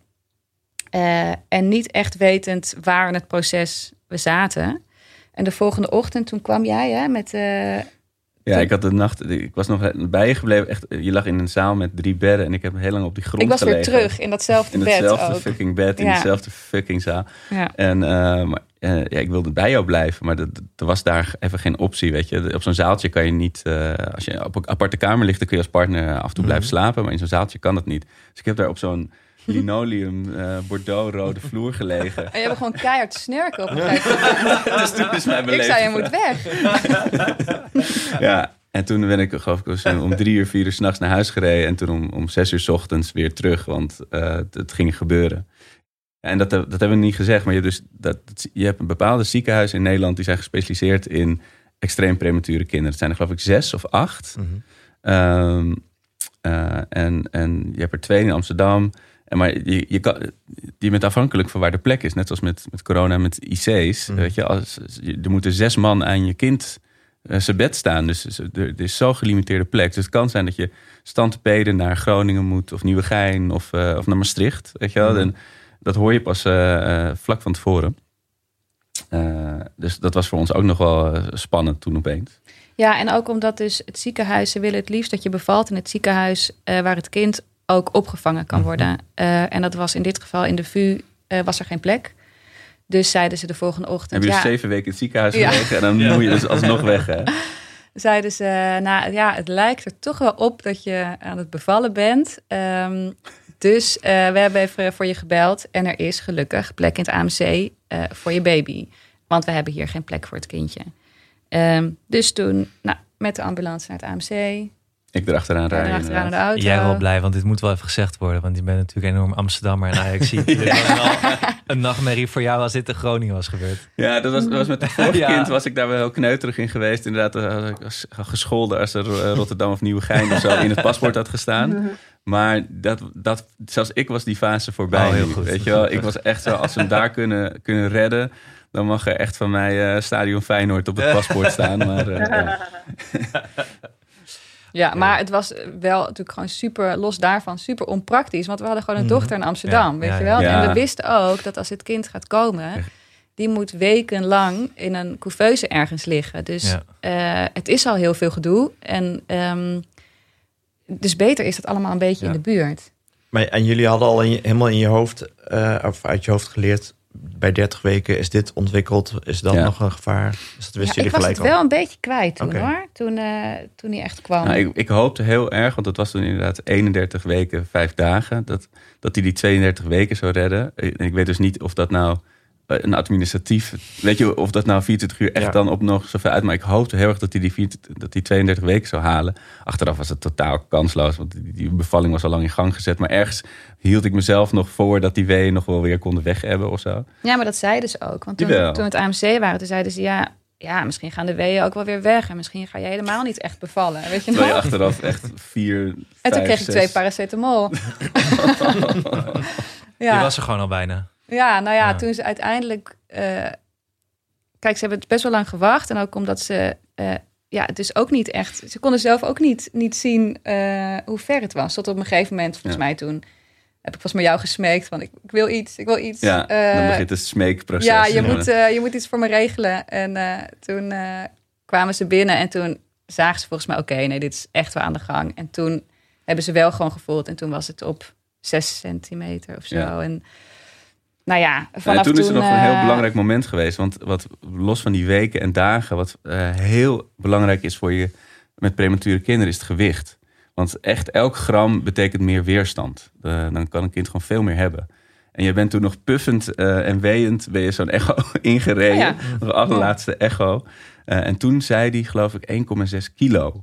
Ja, hij had iets heel laag of anderhalf of zo. En toen dachten we, oh, balen. Want Je wil, 2 kilo is eigenlijk dan ook een soort magische grens. Dan, dan, dan vinden zij zo'n kind ook heel eh, eh, levensvatbaar, zeg maar. Mhm. Weet je, dan, dan gaat hij het echt wel redden. Je had echt heel veel magische grenzen die tijd in je Precies. hoofd. Ja. allemaal van die parameters, Ja. weet je wel. Allemaal cijfertjes, duizelen. Ja, het was ook omdat we steeds een klein doel nodig hadden om naartoe te leven. Ja. Omdat het inderdaad, we konden niet eh, in ons hoofd al bij die 38 weken. Want iedereen zei, nou, dat ga je sowieso niet redden, weet je Mm. wel. Dus we moesten steeds of maar een bepaald aantal kilo's, of Mm. een bepaald eh, aantal eh, vruchtwater, Ja. getal.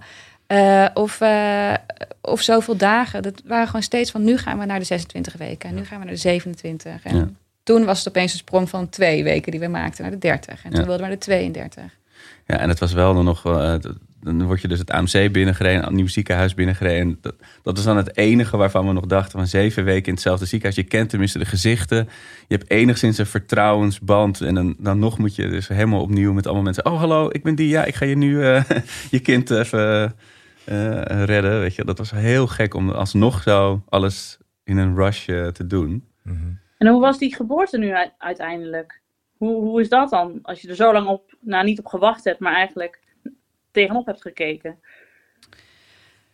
Ja, ik denk, ik vond de geboorte, ehm, het, was, het voelde heel onvermijdelijk. Als in, ik weet wel, toen die weeën begonnen of zo, toen dacht ik, ah, dit mag, weet je, hij komt Het is vroeg. september eh, nog maar. En hij was uitgerekend in november. Ja. weet je wel. Ja, dachten we echt, nee, nee, nee, hij mag nog niet komen. Maar ja, goed, eh, je weet ook wat er gebeurt tijdens de bevalling. Je, wordt gewoon, je lichaam wordt overgenomen. Het is onvermijdelijk dat het kind gewoon eruit wil. Dus ik heb ook ehm, daar tijdens die bevalling ja, gewoon voor gegaan. En ehm, ben ik echt niet meer heel erg bezig geweest van, oh jeetje, inderdaad, eh, op welke, hoe zit, hoe is het nu met zijn longen? Of, eh, Ja. eh, en ze zeiden wel steeds tegen ons tijdens die bevalling, hè, van, hou er rekening mee, hij is klein. Oh ja, ja. Hij kwam ook nog een beetje ongelukkig uit. Dus hij is ook blauw. En Mhm. ehm, dus ze, ze bereiden ons wel heel erg voor op wat er ging gebeuren. En als hij eruit komt, dan nemen we hem meteen mee.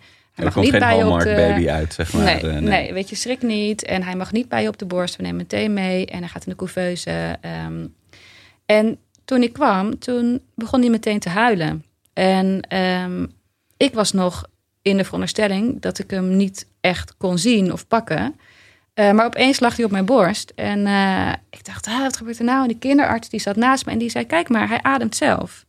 Ehm, Wow. Dus dat moment hebben wij dus toch nog gehad. Jij hebt zelfs de navelstreng eh, Ja. mogen doorknippen. Eh, en ja, in mijn beleving duurde dit moment een half uur. Maar jij hebt me achteraf verteld dat het een halve minuut was of zo. Ja. Voordat hij toch naar de couveuse Ja, ging. want ze letten dan staan natuurlijk, net, Mm. net zoals met de ma- normale bevalling, staan er heel veel mensen. Oh, je hebt dan zo'n Ascar-score, weet je wel. Eh, en ze, maar ze keken bij hem heel erg, want ze willen natuurlijk heel graag dat hij zelf gaat ademen, dat het aanslaat. Want dat moet gewoon als, ze, eh, als een moment aanpakken. En dan hoeven ze hem ook niet te intuberen. Mhm. Alleen toen lag hij daar en dat was heel fijn. En hij, huilde ook, hij krijste goed. Eh, en toen zag je toch die, die, die borstkast helemaal inklappen. En dat is natuurlijk eh, met zo'n klein kindje helemaal ernstig. En toen, maar ze bleef, iedereen bleef heel rustig hoor, gelukkig. Het was niet dat er alarmbellen afgingen. Maar je zag aan iedereen wel van oké, nu moeten er dingen gaan gebeuren.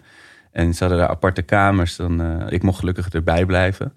Maar dat is een heel klein kindje en die wordt dan geïntubeerd. Weet je, wel. dat is heel heftig om te zien. Dat kindje natuurlijk ook eh, gillen eh, voor het leven. En die mensen zijn heel kundig natuurlijk. Dat is priegelwerk. Het is zo'n mikado, weet je. Dat is echt eh, zo'n heel klein wezentje. En die staan ze echt vol in te rammen. Maar wel, dat is een heel cruciaal moment. Want met het intuberen, zeker met een net, net, net geboren kind... kunnen die longen heel erg beschadigd raken. Mhm. En daar is- hou je dan de rest van je leven wel, kun je er last van hebben. Eh, dus die mensen moesten dat heel snel, heel secuur, maar heel resoluut doen. Dus ik, vond, ik stond eigenlijk een beetje- eh, van een afstandje dat te bewonderen, weet je wel. En dan opeens ben je weer, oh wacht, maar dit is mijn kind. En ze Ja. vechten nu voor zijn leven, weet je wel. En dan ga je weer helemaal terug in, de, eh, in het moment. Eh, ja, en jij bleef daarachter. Dat was natuurlijk ook zo. Dat was met onze dochter ook al, weet je wel. Ik mocht erbij blijven. En met onze dochter was dat nog wel grappig. Die, die, ik stond op een gegeven moment naast, naast dat bedje en iedereen was weggelopen. En dan stond ik... Ik sta hier met- alleen met een baby. Wat moet ik doen? Wel, Want je eerste kind. Ja. Ik, ehm, ja, ik nog een beetje zo zwaaien, weet je wel. en dit was natuurlijk heel, heel anders. Want het, ja, er worden honderd slangetjes, eh, metertjes, lampje, een lampje. Had hij ook een knipper, dat lampje aan zijn voet? Wat was het? ook? Om, om, dat lampje gaf aan of, of, eh, of de meter wel goed werkte of zo. Maar het, ja, het zag, hij zag echt een robocop lag hij daar, weet je wel. Ja, we konden hem ook niet... ehm, we, konden, we wisten eigenlijk niet hoe hij eruit zag. Nee, nee Omdat want we hebben eh, maanden hebben we alleen maar gewoon... Heeft, heeft, eerst heeft hij echt Ja. zo'n masker op. Zo'n zuurstofmasker. Ja, met En een soort, soort petje op zijn hoofd, of een soort eh, mutsje, Mutsje. op zijn hoofd, waar dat dan omheen zat. Ja, dus je weet niet hoe je kind eruit ziet. Dat is heel gek. Ja. En hij was bont en blauw, want het was een aangezichtsligging. Dus hij moest er echt... eh, eh, hij kwam er gekneusd uit. Echt paars was hij. Dus toen vond ik het heel erg meevallen. Als ik nu die foto's zie, denk je... Jeetje, het is echt alsof hij in elkaar geslagen is in een steegje meteen. eh. Uh, maar voelde, ja, het is, eh, voelde het wel toen meteen als jullie kind? Of was het ook nog een reserve van dit, dit kan nog wel heel erg misgaan ook? Ja, allebei denk ik wel. Ik had wel toen ik hem op mijn borst had, dat ik in ieder geval heel goed weet dat ik dacht, oh hij is helemaal niet zo klein. Weet je, ik Hmm. voelde hem en ik dacht, oh dit is, weet je wel, dit is goed. En Ja, want je bent ergens op voorbereid. ja, Ja, en en hij bleek achteraf. dus ook 1,9 kilo. Oké. Dus Ja. Die man had natuurlijk een hele voorzichtige schatting gegeven, gelukkig. Ja, Ja, je Excel-sheet bijwerken. Nou ja, maar dat was zo'n opluchting inderdaad. Want Ja. die twee kilo, dat wist ik nog. Want dan, dan ga je echt in de, in de positieve scenario's, eh, mag je denken. Ja, nee, dat was inderdaad heel fijn. En, maar ik had wel, ja, het is natuurlijk heel anders. Want je, door, hij had dan even bij mij gelegen, maar hij werd daarna gewoon weggehaald. En ehm, eh, nou ja, ik lag nog even in dat bed. En eh, toen ik eh, klaar was om, om daar weg te gaan, toen heb jij mij in een rolstoel naar de NICU geduwd. Waar hij helemaal dus aan alle slangen die jij Ja. erin hebt zien gaan, Ja. lag. in een hele, ja, in zo'n couveuse die ook helemaal dicht is. En waar je met je handen in kunt. Ehm, en hij lag op zijn buik. En hij had dus al die slangen en dat, dat neusding. Ehm, ja, En dat is zo'n is echt niet echt een, eh, zien. een hele heftige omgeving. Want er liggen dus, eh, er zijn vijf bedden, vijf stations zeg maar. En die hebben ook echt allemaal eh, 24 uur per dag, eh, drie, drie man per personeel per bed. eh, die met die kindjes aan, aan de gang zijn. Eh, en ja, je merkt ook wel, daar, daar is veel verdriet en angst. Niet, niet bij het personeel natuurlijk, maar bij de ouders die daar staan. Want eh, wij waren, want dat, daar, daar zijn alleen de kinderen tot 32 weken. Want dan ga je dus een nieuwe fase in. Dan kom je, daar komen we misschien straks nog op. Maar, eh, maar de, wij hadden dan een kind van 31,5. We waren opeens de lucky ones. Mhm. Weet je? wel. En daarnaast lagen kindjes van 24 weken. Of Eh, het was dus exact dezelfde kamer waar mijn zusje lag. Eh, dus was, toen ik daar binnenliep, dat was echt dat was even een shock. Ja. Maar het was ook de energie in die, in die kamer was ook heel... he- Het, was, het voelde als een soort warzone, hè? Ja, Hebben wij het ook wel eens bestempeld. precies. Van je deed die deur open en er lagen volgens mij vijf kindjes of zo op die kamer. En je zag alleen maar het medisch personeel was aan het... Weet je wel, waren gewoon bezig met de kinderen. Er werd Ja. er daar iemand eentje geopereerd. Er was daar eentje bezig met... de het was heftig gewoon. Ja. En ik heb heel bewust eh, weinig om me heen gekeken. Heel en goed, ja. ehm, me heel erg gefocust op Yuka, die gelukkig in het eerste bedje lag. Maar, bij de deur. Ja. eh, bij, ja, bij de deur. Maar ja, het blijft natuurlijk gewoon een heel raar gegeven dat je die baby die je net hebt gebaard niet eh, bij je hebt. En ook voor de komende weken gewoon non-stop op je geplakt zit. Die ligt gewoon in dat bedje. En hoe ligt hij En- erbij, los van die apparaten? Eh, beweegt hij? Slaapt hij? Nou, hij lag op zijn buik. Ze leggen die kindjes vaak op hun buik, omdat ze dan dus de, beter kunnen ademen. Mhm. Elektrisch ehm, dekentje. Net als bij de eh, corona-patiënten. Ja. Ja. Ja, dat is dus voor de longen een, ja. eh, een fijne positie blijkbaar. En hij ligt ook aan heel veel, hij lag aan zoveel slangen en monitoren dat, eh, ik bedoel, wij mogen natuurlijk allemaal een, een op tijd geboren baby mag je niet op zijn buik leggen. Mhm. Eh, maar ze konden bij hem natuurlijk gewoon zien als er wat misging. Ja, ja. Ehm, en wat wij dan mochten was onze handen helemaal eh, desinfecteren en dan eh, door de, ehm, die gaten in de couveuse. En dan mocht je je handen op zijn hoofd en op zijn billetjes leggen. Ja. Eh, en niet aaien. Je mocht niet Je wrijven. je mocht ferm drukken. Natuurlijk ook weer niet te ferm. Maar er was, je kreeg een hele cursus inderdaad hoe je je kind mag aanraken. Dat is natuurlijk ook heel gek. Ja. Ja, het is gewoon ook door naast het feit dat het kind dus niet bij je eh, is, vond ik het ook gewoon een belachelijk idee dat er andere mensen waren die veel beter wisten hoe ze voor mijn kind eh, konden Mhm. zorgen dan ik. Dat Mhm. ik dat gewoon helemaal uit handen moet en graag ook uit handen gaf. Mhm. Ehm, maar dat is natuurlijk heel tegennatuurlijk. En het was een heel, is een heel speciaal slag. voor- De, de mensen die daar werken, die verlos, verloskundigen, die NICU-verloskundigen, dat, dat is een heel specifiek beroep. Weet je, Mhm. dat, dat, een hele spe, spe- eh, speciaal opleidingstraject voor.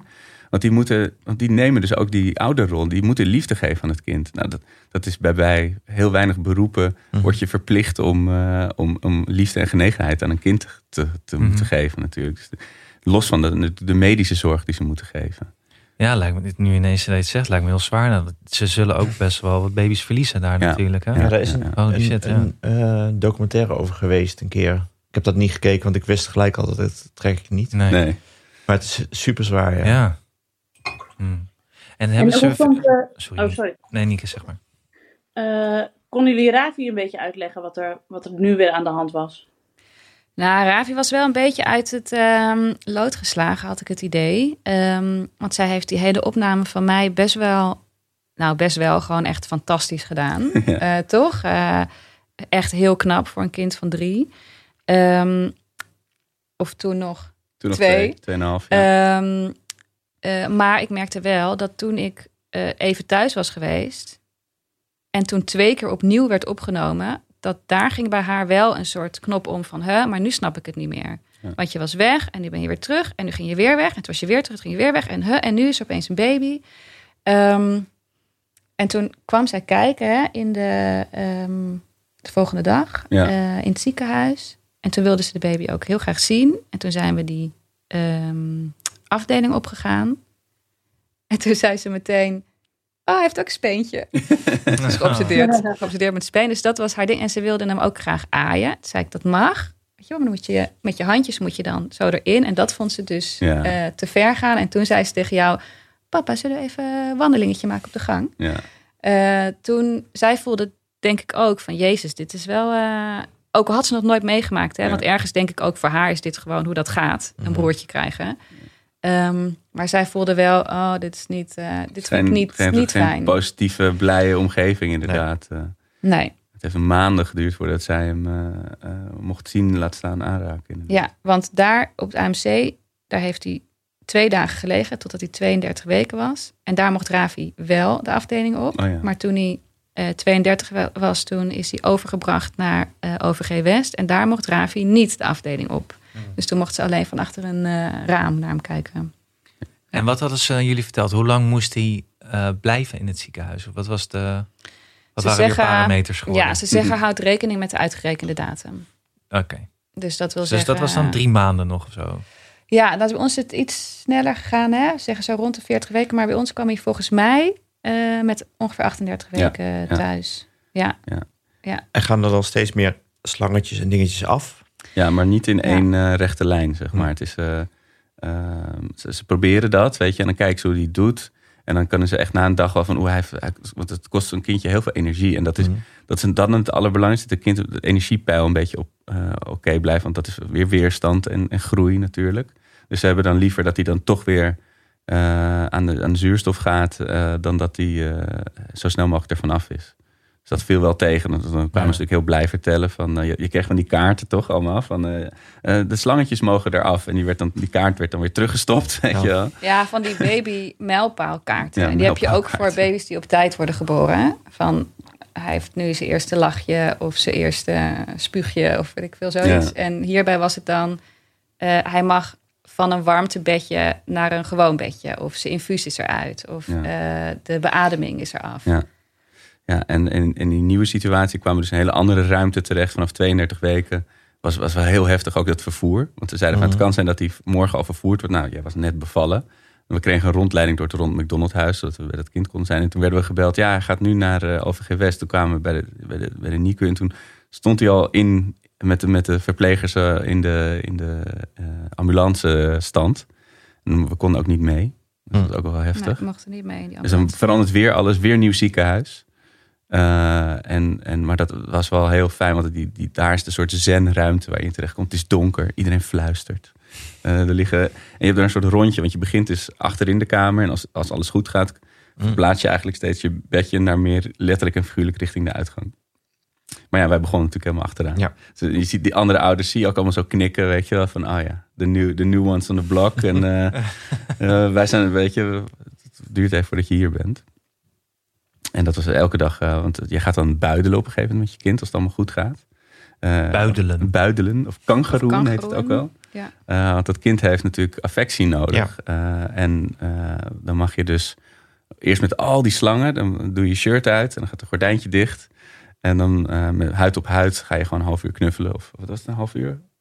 Was een bepaalde Nee, max, want anders werd hij ook weer te minimaal moe. een uur. Minimaal een uur was het, ja, want anders is het de moeite niet. Ja, want het kost heel veel energie om hem uit dat bedje op jouw borst te leggen. Hoe voelt het dan? Want je voelt ook al die slangen en apparaten. Ja, ja, dat was wel ook hoe minder app- apparaten. Op een gegeven moment lag je dan ook zonder maskertje op me. En in, in het begin voelde het echt alsof je een, een, klein, een kleine puppy of zo, of- omdat hij zo klein is. En hoe hou ik dit dan vast? Weet je, dat is Mhm. ook zo frustrerend. Want je, je houdt je altijd voor. Bij het tweede kind weet ik in ieder geval hoe ik het vasthoud. Weet je wel, dan, dan gaat het allemaal relaxed. Maar dat was natuurlijk allemaal niet van toepassing. Eh, maar wat ik bij hem heel erg had. eh, ik had altijd heel erg zoiets van. Omdat het ook allemaal zo moeilijk ging in het begin, wilde hij er wel zijn, weet je, wilde hij er wel voor gaan. En toen lag hij op een gegeven moment op mijn borst. En toen voelde ik dat, eh, van, hij, gaat ervoor. Wat natuurlijk ook gewoon in je eigen hoofd gebeurt. Het, het- niet Ja. dat hij me een knipoog gaf of eh, een high five of zo. Maar, Duimpje Je- omhoog. ja, maar je voelde van hij wordt sterker en dit, Ja. dit wordt wat, weet je wel. En dan durf je ook die, dan durf je weer te Ja. hopen, zeg maar.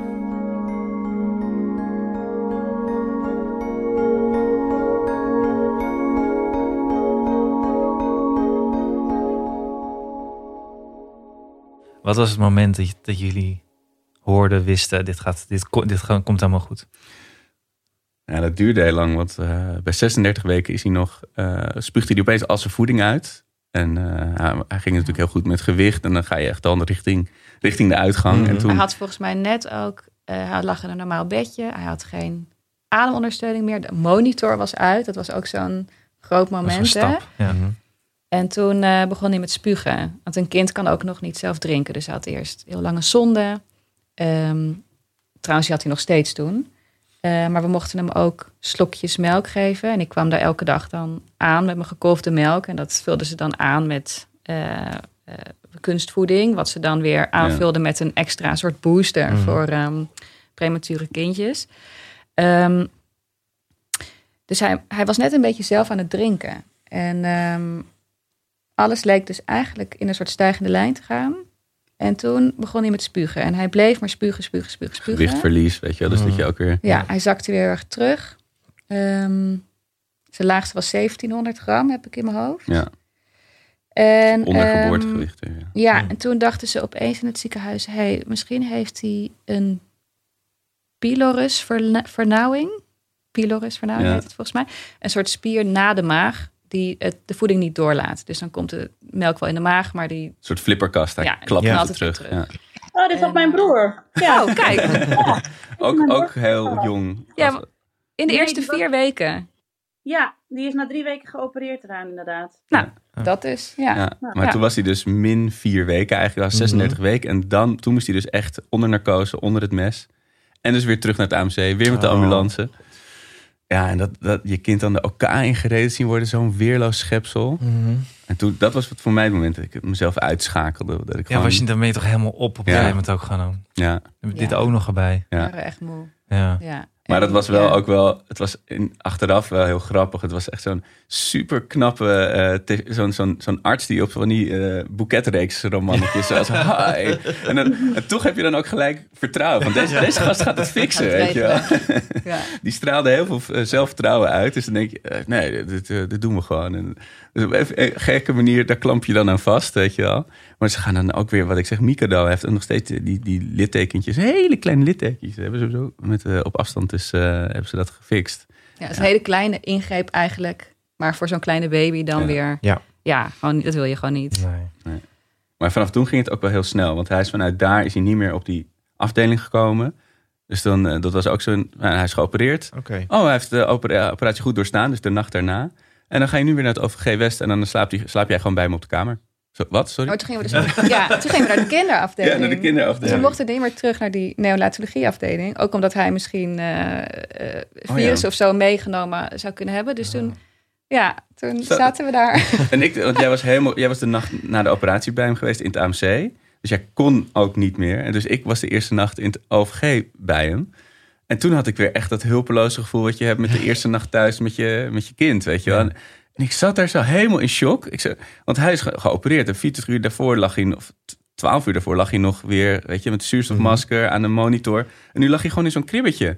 En eh, op zo'n kamertje. Met het idee van alles is goed. Ga maar... eh, ja, en het, het, was natuurlijk, je wordt een soort eh, eh, lui, zeg maar. Omdat natuurlijk twee maanden lang staan er drie mensen om je kind bed. Ja. Dus je, je Mhm. kan niks zelf doen, maar je hoeft ook niks te doen. En opeens zit je daar weer met dat flesje te klooien, weet je. En natuurlijk, achteraf is dat heel fijn dat het eindelijk kan. Maar het, het was ook wel paniek, omdat hij zo extra weerloos voelde. Eh, Zie je er door het raampje te gluren waar die knappe dokter nou... eh, Ja. Kom terug. Waar is de boeketreeks dokter? Ja, en toen is hij daar nog een paar weken geweest. En toen mocht hij eindelijk, eindelijk, eindelijk naar huis. Eerste nacht thuis. Oh. God. Dag, en wij natuurlijk blij. We zijn met Ja. z'n vieren. eh, we hebben het gehaald. En nu begint het echt. En die nacht eh, begint onze dochter te hyperventileren. Eh krijgt geen adem meer. Ja. En die bleek iets te hebben dat heet pseudokroep. Wat? Pseudokroep. Eh, eh, en dat is dat je gewoon uit het niks eh, een soort... Wat, ja, wat is het? Longvernauwing? Wat is het? Ja, zij kon gewoon eh, heel slecht ademhalen. Dus ze was een soort van aan het, aan het eh, stikken. En aan het, aan het hoesten. En ze kon niet meer goed praten. Nou ja, volgens mij elke ouder die dit... ehm, eh, waarvan zijn kind het wel eens heeft gehad, die herkent het. het is, je schrikt je gewoon helemaal dood. Ja, je- denkt echt, mijn kind kan geen adem meer halen. ik Eh, ben maar het 180 is naar niet het erg. ziekenhuis onderweg, weet je wel. Mhm.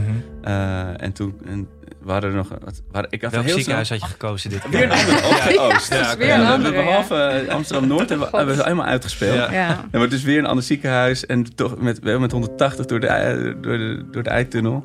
Alleen ik had dus ergens gegoogeld. eh, je moet je kind een ijsje geven. Dus zij zat echt zo een, een perenijsje te eten op de achterbank. Weet je wel. En toen kwamen we eraan en toen was het oké.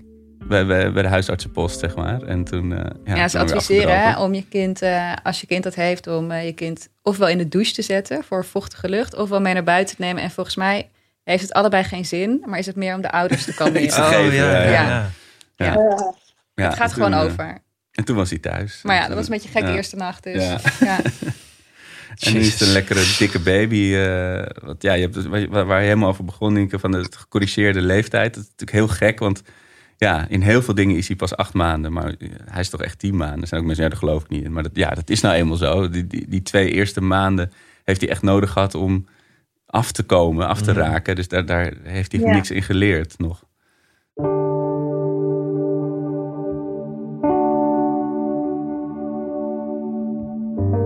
Zijn jullie ook lang angstig geweest van wat er nog met hem zou kunnen gebeuren? Zeker. Ja. Ja. En nog steeds wel hoor. Eh, eh, zeker niet in die mate eh, waarin ik dat had aan het begin. Ehm, maar ja, ik was wel echt bang. Kijk, je weet, we zijn nog steeds onder behandeling, eh, of hij is nog steeds onder behandeling van de kinderarts, dat hij twee jaar is. En ehm, zij monitoren hem en kijken of hij goed ontwikkelt. Want je ziet vaak bij prematuren dat dat dan toch anders is dan, dan normaal. Ehm, dus we houden ook, denk ik, altijd nog rekening eh, met het feit dat er nog opeens iets ehm, ontstaat waarvan we denken, hé, hey, dat is gek of anders. Ehm, Ja, en prematuren zijn ook wel echt in de regel. Er kan nog van alles eh, mee blijken te zijn. Mhm. Eh, maar ze, zijn ook, ze hebben ook gewoon een iets slechtere weerstand. Weet je? Dus hij is ook heel snel ziek. Eh, en toen, zeker in het begin, klonken zijn longetjes echt alsof.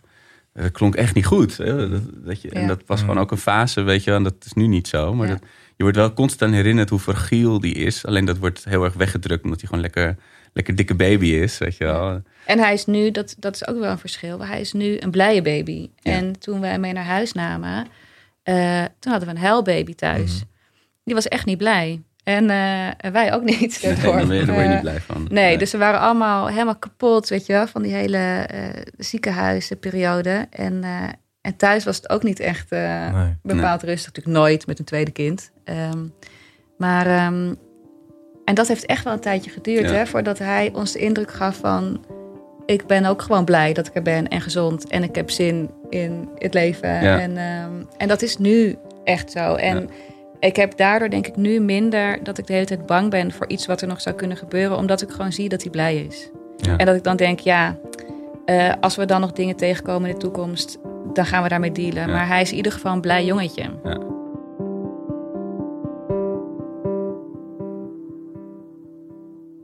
En ik durf ook nu pas, of merk dat ik nu pas meer eh, durf van, dat ik me zo, holy shit, ik heb, we hebben een zoon, weet je, ik heb een zoon. Het is gewoon Ja. die, die roze wolk komt een beetje op gang. Dus dat is wel heel leuk om alsnog te krijgen.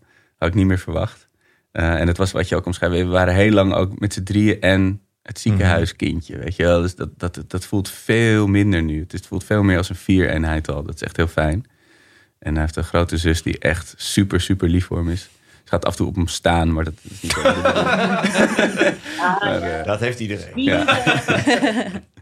nee, maar, eh, ja, maar dat het zo, weet je, je- ik, ik denk ook vaak dat mensen zeggen, ja, wat, dat krijgen we soms ook wel in de reacties van, ja, je moet niet zo zeiken, want het is goed afgelopen, weet je. Maar dat, dat vermindert niet de stress van toen, want Nee. toen wisten we dat niet.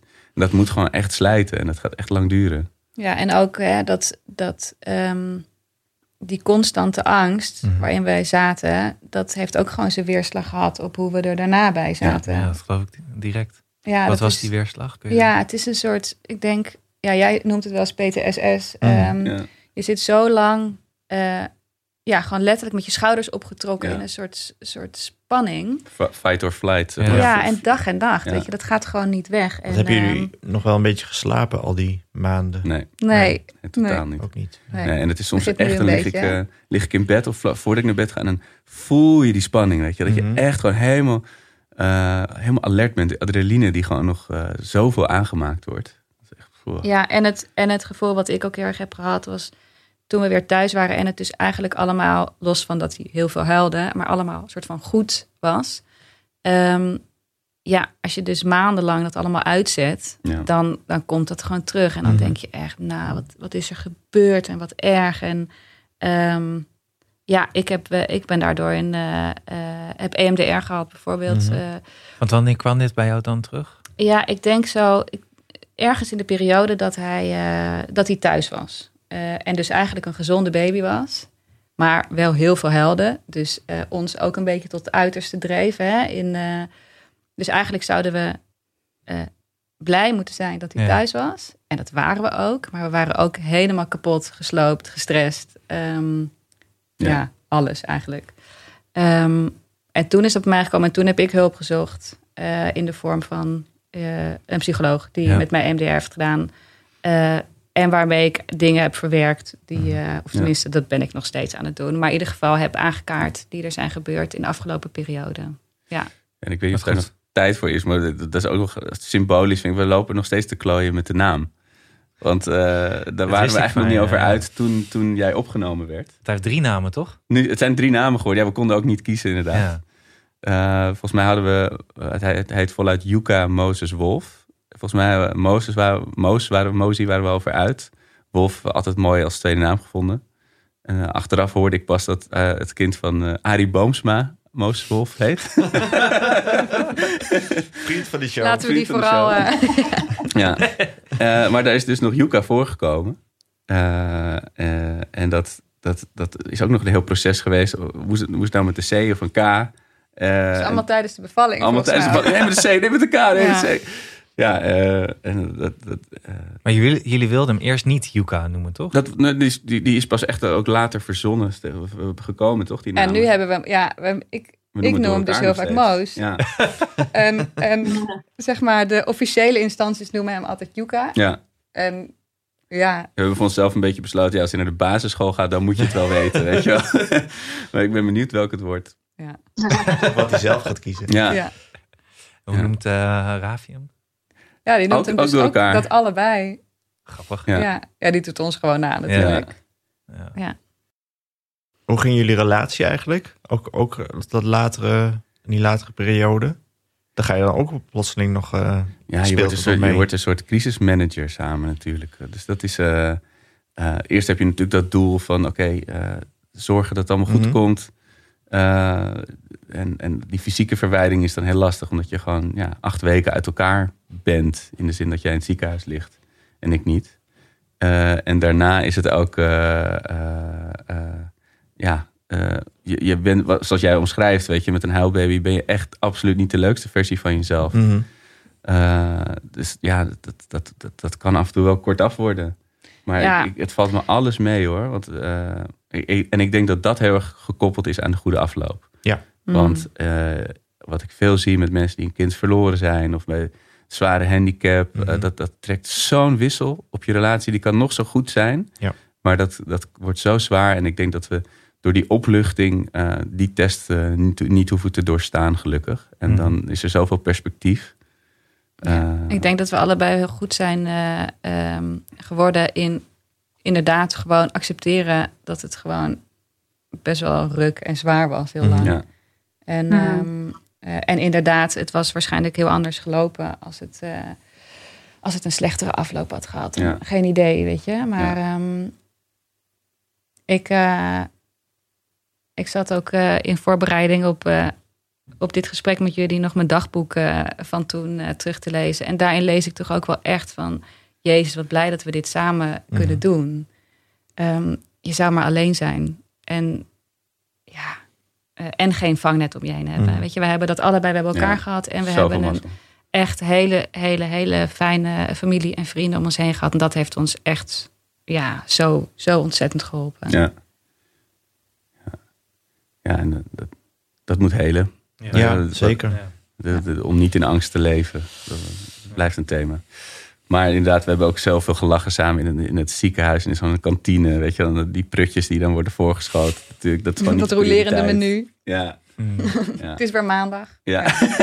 Daar is de vege gehaktbal. Elke Ja. keer weer een nieuwe dokter bespreken. Ja. We hebben zo ontzettend veel mensen voorbij zien komen. Zoveel.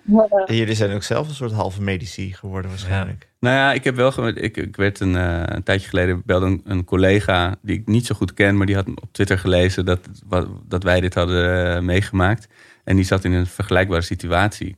En dan ben ik heel blij dat je dan toch, je, je, je kan iemand dan toch andere dingen vertellen aan de artsen. Ik bedoel, ik ga hem niet vertellen of je die longprik moet nemen of Mm. niet. Dat is ook niet aan mij. Maar je kan wel eh, dat beeld schetsen van wat je allemaal te wachten staat. En eh, niet zoals van, oh, dan moet je dat en dat doen. Maar wel ja, die toekomst veel beter schetsen. Dat is bij artsen natuurlijk helemaal niet de prioriteit. Die moeten gewoon medische informatie met je bespreken.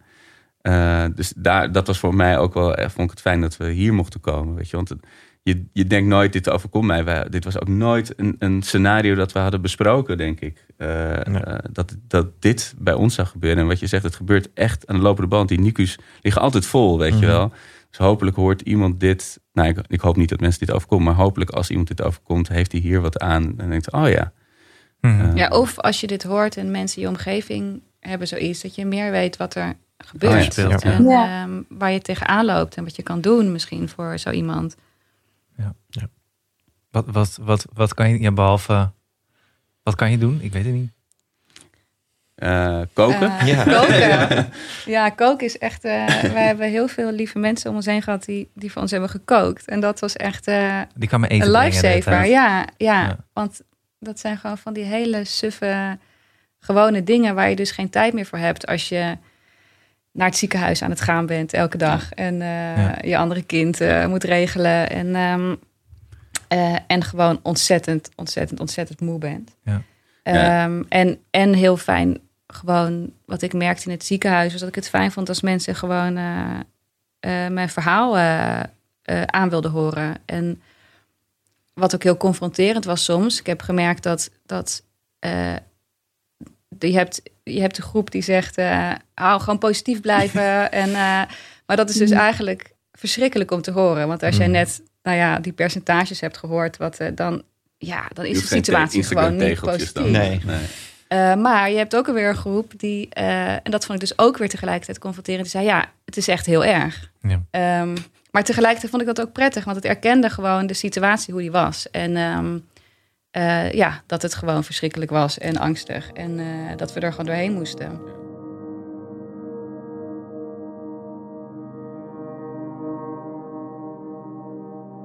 Kun je nog wel een beetje langs het ziekenhuis rijden? Of is het toch... Nee? Nee, Nee, ik kan me voorstellen. Nee ik hoef daar ook ehm, voorlopig eh, niet naar binnen, Nee. Nee. hopelijk.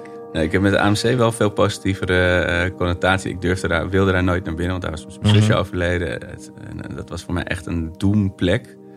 Eh, dat was al gesleten natuurlijk, dat was 31 jaar geleden. Maar dat is nu overschreven wel met een hele positieve herinnering. Hij is daar geboren, Ja. Ja. hij is daar eh, gezond geworden, zeg maar, uiteindelijk. Eh, en ze hebben een, een, een Starbucks en een... eh, weet je, dat was, dat, dat, dat is, daar hangt veel positievere sfeer aan. Dr. Dr. Dreamy. ja, dat Ja, er ook rond. Ja. En ik zat maar in het vuur al die weken. Ja, het vuur dat moet nog Ja. even helen. Ja. Ja. Hoe is het met Nienke en de hormonen? Ik heb net even lekker mee zitten huilen met Arco. Dat. Ah, ja, want we, ik heb, de zakdoekjes liggen hier op tafel. Ik Ja. denk, jij gaat uh, geheid janken ook. en dan ben ik degene Ga. die... eh, Ja, maar Nienke heeft de mazzel dat haar gezicht al een poosje Ja, die bevroren staat ja, is. staat hier al uur in een frozen Ja. frame. eh. In een merkwaardige Ja, frons een ja. beetje. Een blik die ik niet van je herken, maar... Nee, maar ik dacht wel, wij, hebben, wij zijn natuurlijk het geboortekaartje aan het fine-tunen. En eh, ik weet nog heel goed dat we de, het geboortekaartje maakten voor Janne, voor onze oudste. En dat ik toen tegen Tom zei van, ik wil graag erop dat, opzetten dat we dankbaar zijn. En toen zei Tom, die is totale atheïst, die zei, ja maar wie ben je dan Oh, dankbaar? ja. En toen zei ik, ja, maar het gaat niet om wie. Ik ben gewoon het universum dankbaar dat we, inshallah, deovalent een gezond kind gaan krijgen, zeg maar. Ja. En dat je dat gevoel van die, die dankbaarheid, dat, dat voel je, dat voelde ik echt heel sterk net toen ze geboren was. Natuurlijk daarvoor eigenlijk ook, maar hij ook, Tom vooral ook, toen ze geboren was. Want dan zie je pas wat voor complex iets het eigenlijk is. Zo'n kind dat in je groeit en dat alles maar goed moet gaan. En je hoort de verhalen waar het niet goed gaat. Ja. Dan Ja. merk je dus ineens dat je dus, je kunt dus totaal op de lucht dankbaar zijn. En, Ja. en Ja, en De- de medici in ons geval. Ja. Wij zijn Ja, diep, diep dankbaar voor eh, het werk daar, wat daar is verzet. Eh, maar wat je zegt, het, het- het- ik heb altijd eh, heel erg bewust geweest van hoe, hoe fragiel dat proces is eh, na, na de dood van mijn zusje. Nou, ik vond het ook wel heel heftig, weet je, hoe, hoe achterloos mensen die kinderen hebben gekregen daarover kunnen praten. Weet je, van ja, Mhm. gooi me op de grote hoop, ja, tweede, derde. Ja, maar ja, als het dus allemaal goed gaat, dan Precies. gaat het dus allemaal goed. Ja. En dan hoef je gelukkig hier nooit over na Nee, te en dat denken. gun ik ze ook zeker. Ja, Misschien ben ik er ook gewoon meer jaloers op. ja dus dat, Ja. dat is natuurlijk ook. Weet je, ik weet nog dat, de- dat de maatschappelijk werker tegen ons hebben ook nog zo om hebben zitten gniffelen samen dat het een stukje rouw is. Oh ja, een we- stukje. Er zit er zo iemand die zit je zo knikken aan te kijken. Ja, maar het was- een stukje rouw. Het was een lieve vrouw. Ja, ja, maar, ehm, en, maar ik snap ook wel weer, we hebben er toen om zitten lachen, maar eh, ik snap nu met terugwerkende kracht wel beter wat zij toen bedoelde. Want we hebben een proces doorgemaakt wat in niks is geweest wat we hadden gewild of hadden Ja. gehoopt. Mhm. En ehm, eh, weet je wel, van, van eh, de weeën afwachten thuis tot eh, onze baby voorstellen aan zijn zus. Tot Ja, gewoon lekker met z'n allen in het grote bed, weet je wel. Ja, precies, Ja. een geboortekaartje. En gewoon al die kleine dingetjes, een normale kraamweek. We hadden ons verheugd op de kraamverzorgster Oh die ja, weer zou komen.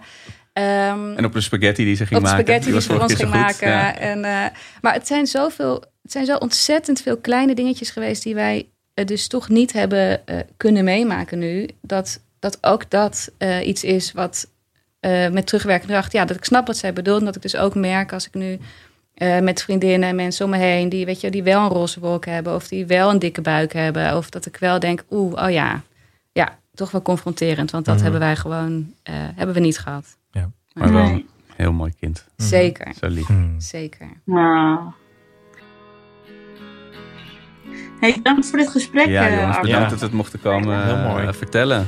Super. Ja, echt Ja. oké. Succes met het editen. Ja, we hebben echt heel veel gepraat. Ja. Oh, Zet me gewoon zo online. Ja. Hoppa. Ja.